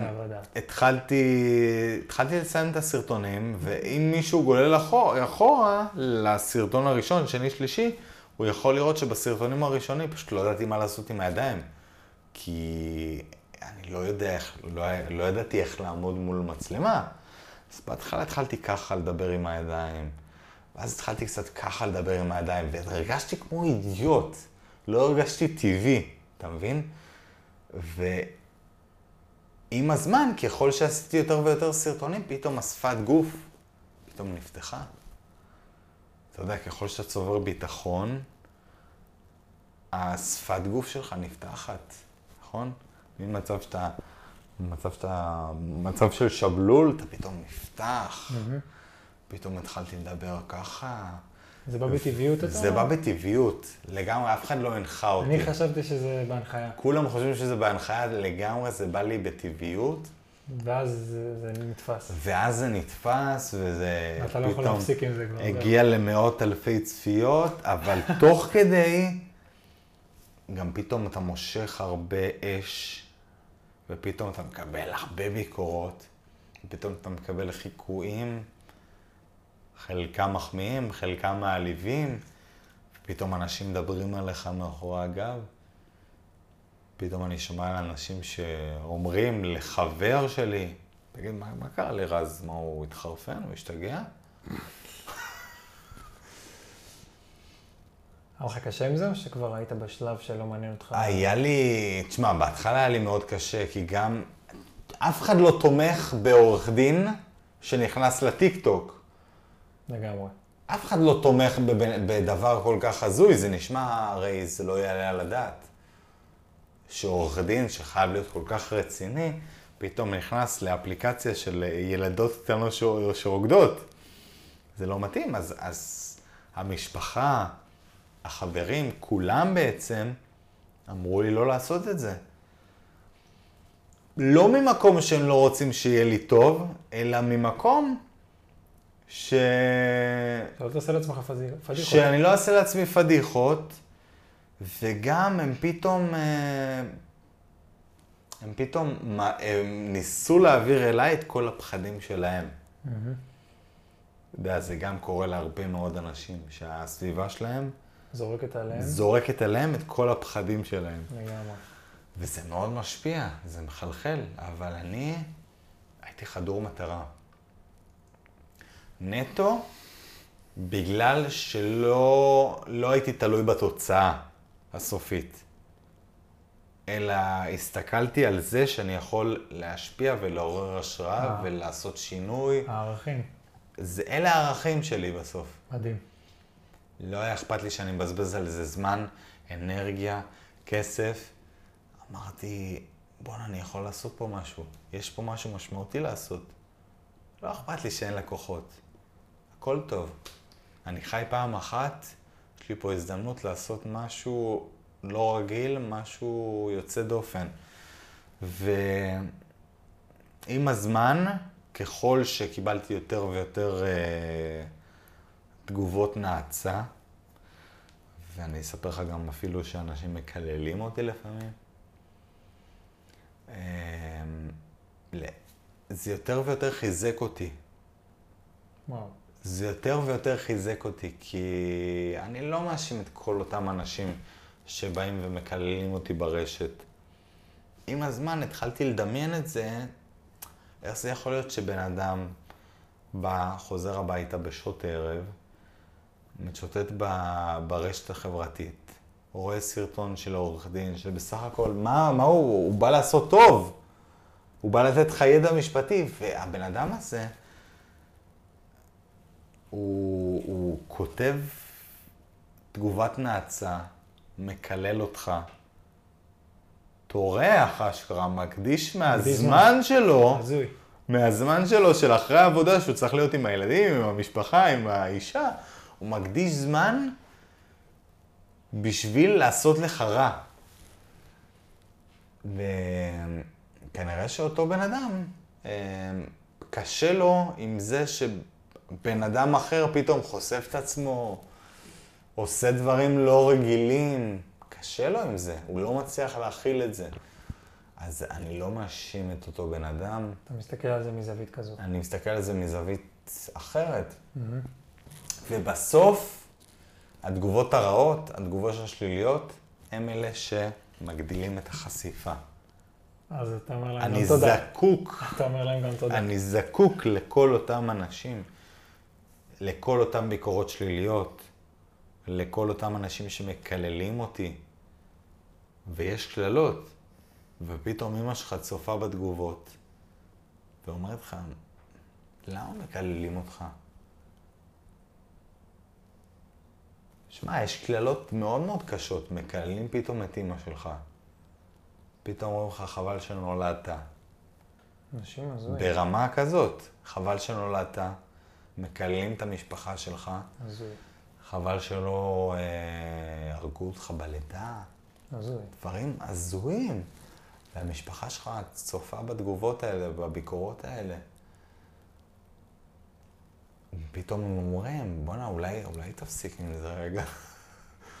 אולי, איך אתה, שואלים אותי, איך אתה מסוגל להכיל את זה? אז אני אומר, אני, אני לא מסתכל, אני לא מסתכל לא על התגובות הטובות ולא על התגובות הרעות. כי מה קורה לרוב האנשים? הם מסתכלים רק על התגובות הטובות, נכון? הם אוהבים את המחיאות כפיים מה... מבחוץ, אוקיי? הם תלויים במחיאות כפיים של אנשים אחרים מבחוץ, ואז ברגע שיש איזו תגובה אחת רעה, הם קורסים, הם צונחים.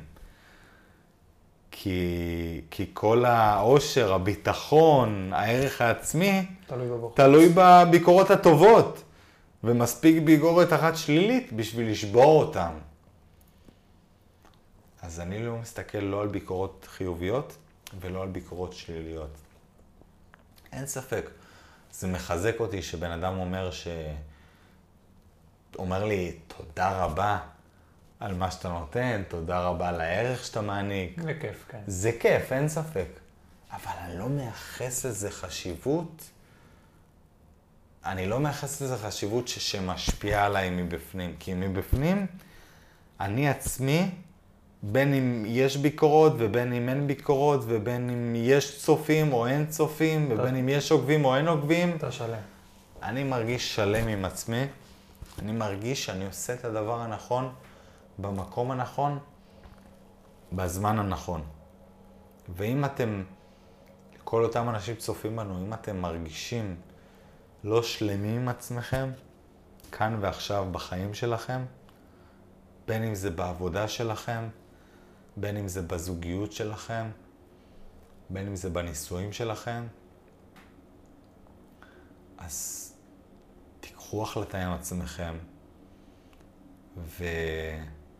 ותתמודדו עם ההחלטה הזאת, לטוב ולרע, ולרע, אבל אתם לא יכולים להישאר במקום הזה שאתם מרגישים. עם עצמכם לא שלמים. כי לטווח הארוך, בן אדם, כשהוא מרגיש לא שלם עם עצמו, הוא יכול פתאום לחלות, אשכרה. כשבן אדם לא מרגיש שלם עם עצמו, כשבן אדם לא מגשים את עצמו, כשבן אדם מתפשר על החיים שלו, הוא אשכרה יכול לסבול, הוא אשכרה סובל עכשיו, וככל שהזמן יחלוף, זה רק יחמיר. זה רק יחמיר. זה לא ילך ויעשה יותר טוב, זה רק יחמיר. אז תיקחו החלטה גורלית, חורץ גורלות, ותעשו את זה. מה שאתם הכי מפחדים לעשות. דרך אגב, לפעמים הדבר הזה שאנחנו הכי מפחדים לעשות, דווקא אותו אנחנו צריכים לעשות. דווקא אותו אנחנו צריכים לעשות. לגמרי, אני מסכים עם זה. זה הדבר שאם נדמ... נסתכל על זה, שאנחנו נמצאים פה, ופה נמצא פחד, ואנחנו צריכים להתגבר על המכשול של הפחד, פה נמצא יהלומים. אנחנו רק צריכים לקפוץ מעל הגדר הזאת, מעל הקו הפרדה הזה שנקרא הפחד. ואז אנחנו יכולים, יכולים, אה, אני לא יודע אפילו איך לתאר את זה, אה, יכולים להמציא את עצמנו מחדש. יכולים להפוך להיות הגרסה היותר טובה שלנו. תראה כמה דברים השגתי מזה שהתגברתי על הפחד. יכולתי גם לא להתגבר על הפחד ולהישאר באזור הנוחות שלי, נכון?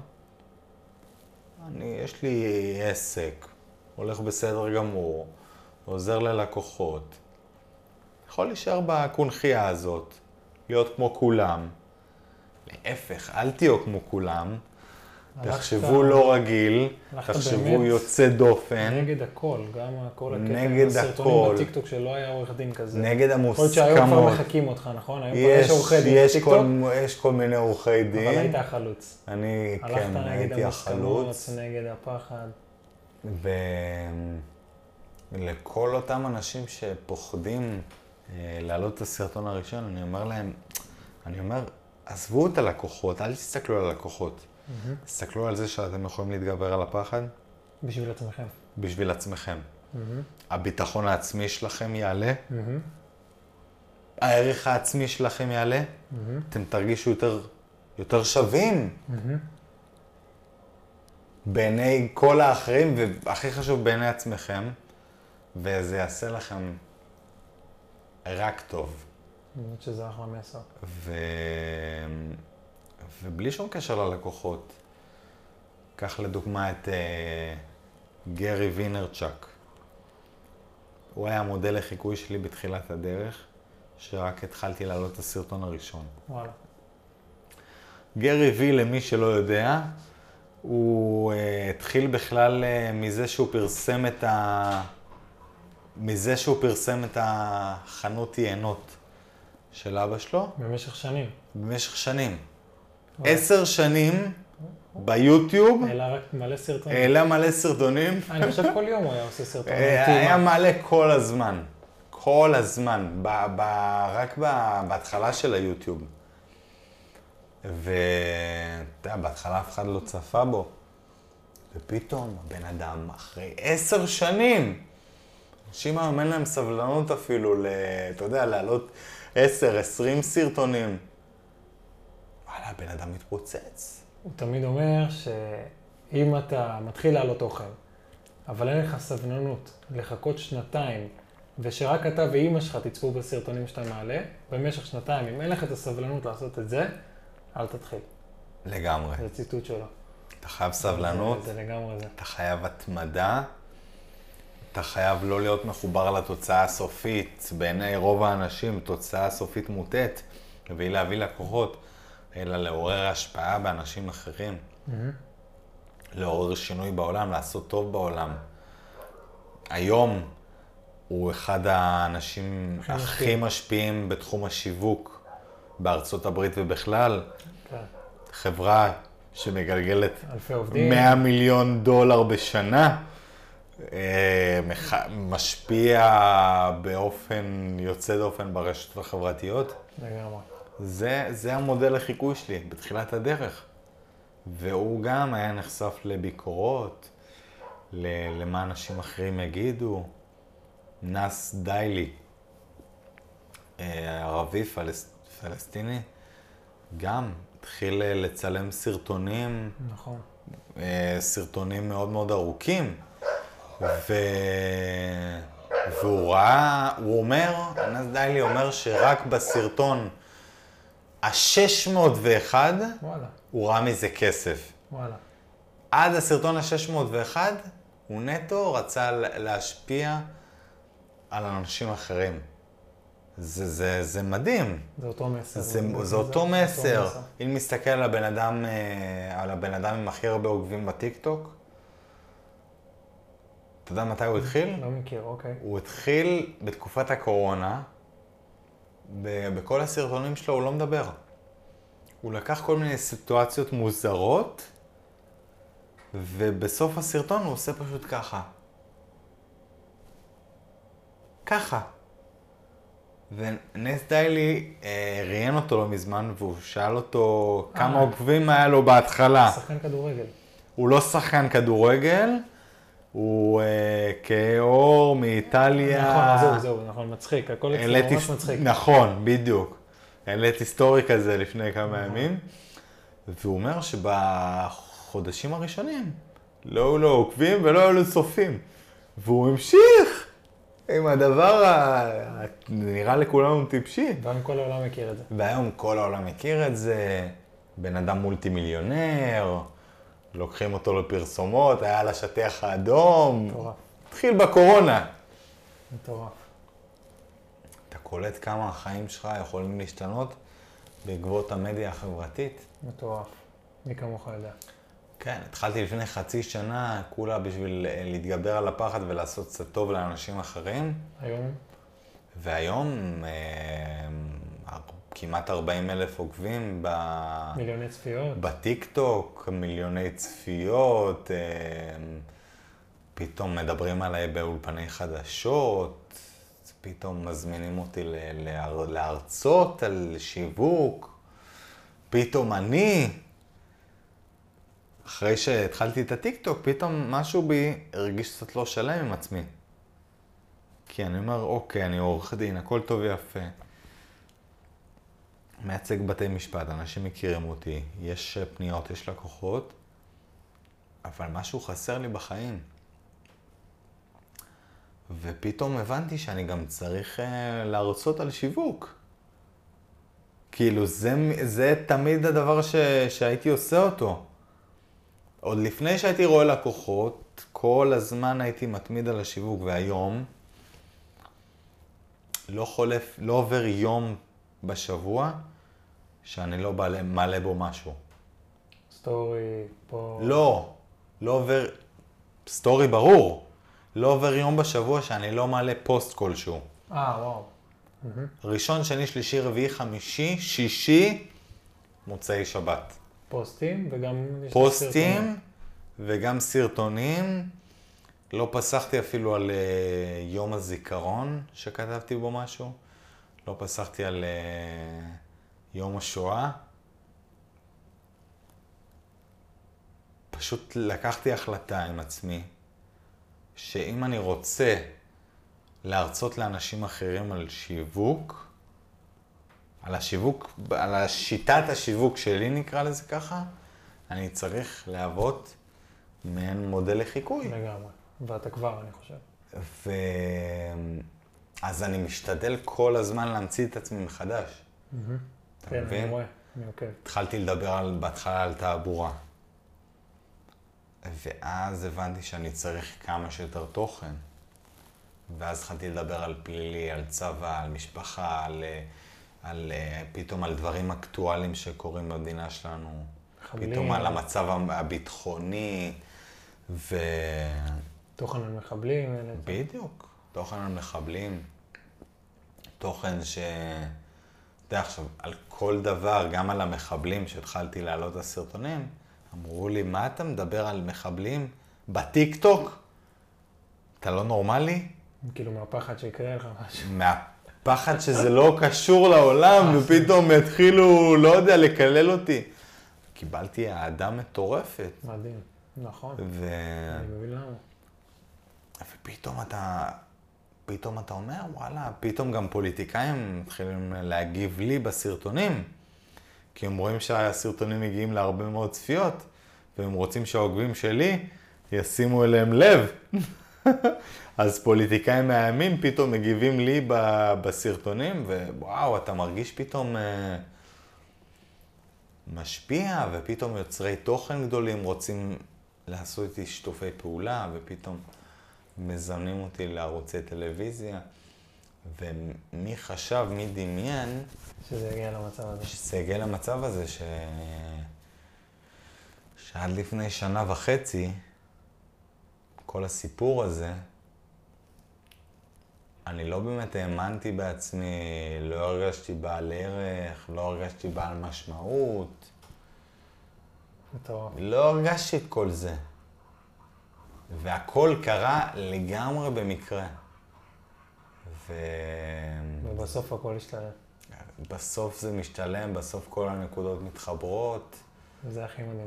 ובסוף... לשמוע את זה ככה, כאילו, ממש, את כל הסיפור, ויש לנו פה המון המון המון המון תובנות. בסוף אנחנו כל החיים עסוקים במרדף החיים, בלהשיג יותר אה, כסף, יותר מחיאות כפיים, יותר הישגים.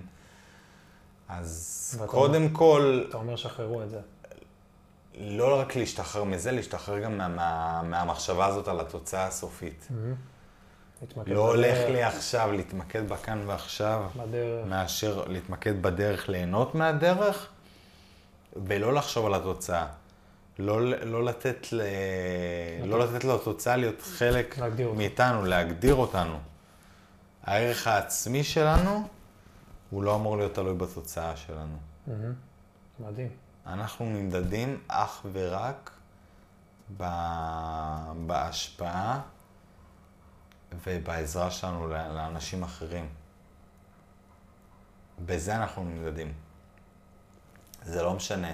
לדעתי המדד לאושר, המדד האמיתי לאושר, זה לא שאתה קם עם, אה, קם בבוקר ואתה פותח את החשבון עו"ש ואתה מגלה שיש לך מיליארדי דולרים. המדד לאושר זה שאתה קם בבוקר ומרגיש, עם חיוך, מרגיש טוב עם עצמך. ומרגיש טוב עם עצמך, מרגיש שלם עם עצמך, מרגיש משמעותי בעולם, מרגיש שיש לך- יש לך את היכולת להשפיע על אנשים אחרים, לעורר בהם את, ה, את ההשראה הזאת. תפסיקו לרדוף כל הזמן אחרי הכסף, כסף, כסף. כשאתה רודף אחרי משהו, בורח. הוא בורח ממך. זה מדהים. כשאנשים, כשאנשים לא מתמקדים בתוצאות, אלא מתמקדים בכאן ועכשיו, ומה אני יכול לעשות טוב עבור אנשים אחרים, כל התוצאות מגיעות בסוף. רז, לסיכום, היה לנו פה סיפור מטורף. אני בטוח שמי שיאזין לו יקבל המון המון ערך, המון תובנות, תפיסת עולם, גישה, אה, כל הכוח התמדה, ובאמת כל הדברים שתיארת פה היו מדהימים. כאילו, הדרך שעברת, אני לא בטוח שכל אחד יכול לעבור דרך כזאת, אבל אני בטוח שכל אחד יכול ללמוד מהדרך. להאמין אה, בעצמו. כן. אז היה, היה לי מדהים להקשיב לסיפור. מקווה שהוא יגיע לכמה שיותר אנשים, וכמו, וכמו הערכים שמובילים אותך, שישפיע ויעזור לכמה שיותר אנשים. תודה רבה על ההזמנה, שמחתי להתארח אצלך. מי שרוצה לפנות אליך, איך הוא יכול להגיע? ככה, לסיום, מי שרוצה לפנות אליך בכל מה שקשור ל... דרך כל מקום אפשרי, אני מתעסק בתעבורה, הוצאה לפועל, פשיטות רגל, בקרוב אני מתחיל גם. אה, להרצות בפני עורכי דין, בעלי עסקים, על כל התחום הזה של שיווק, כדי להרגיש שלם עם עצמי. תעקבו אז רז, כמובן, נחפש אותך בפייסבוק, פייסבוק, אינסטגרם, הכל. אינסטגרם, גוגל, טיק טוק, עוד מעט לינקדין, טוויטר, הכל. הכל. רז, תודה רבה. תודה רבה לך.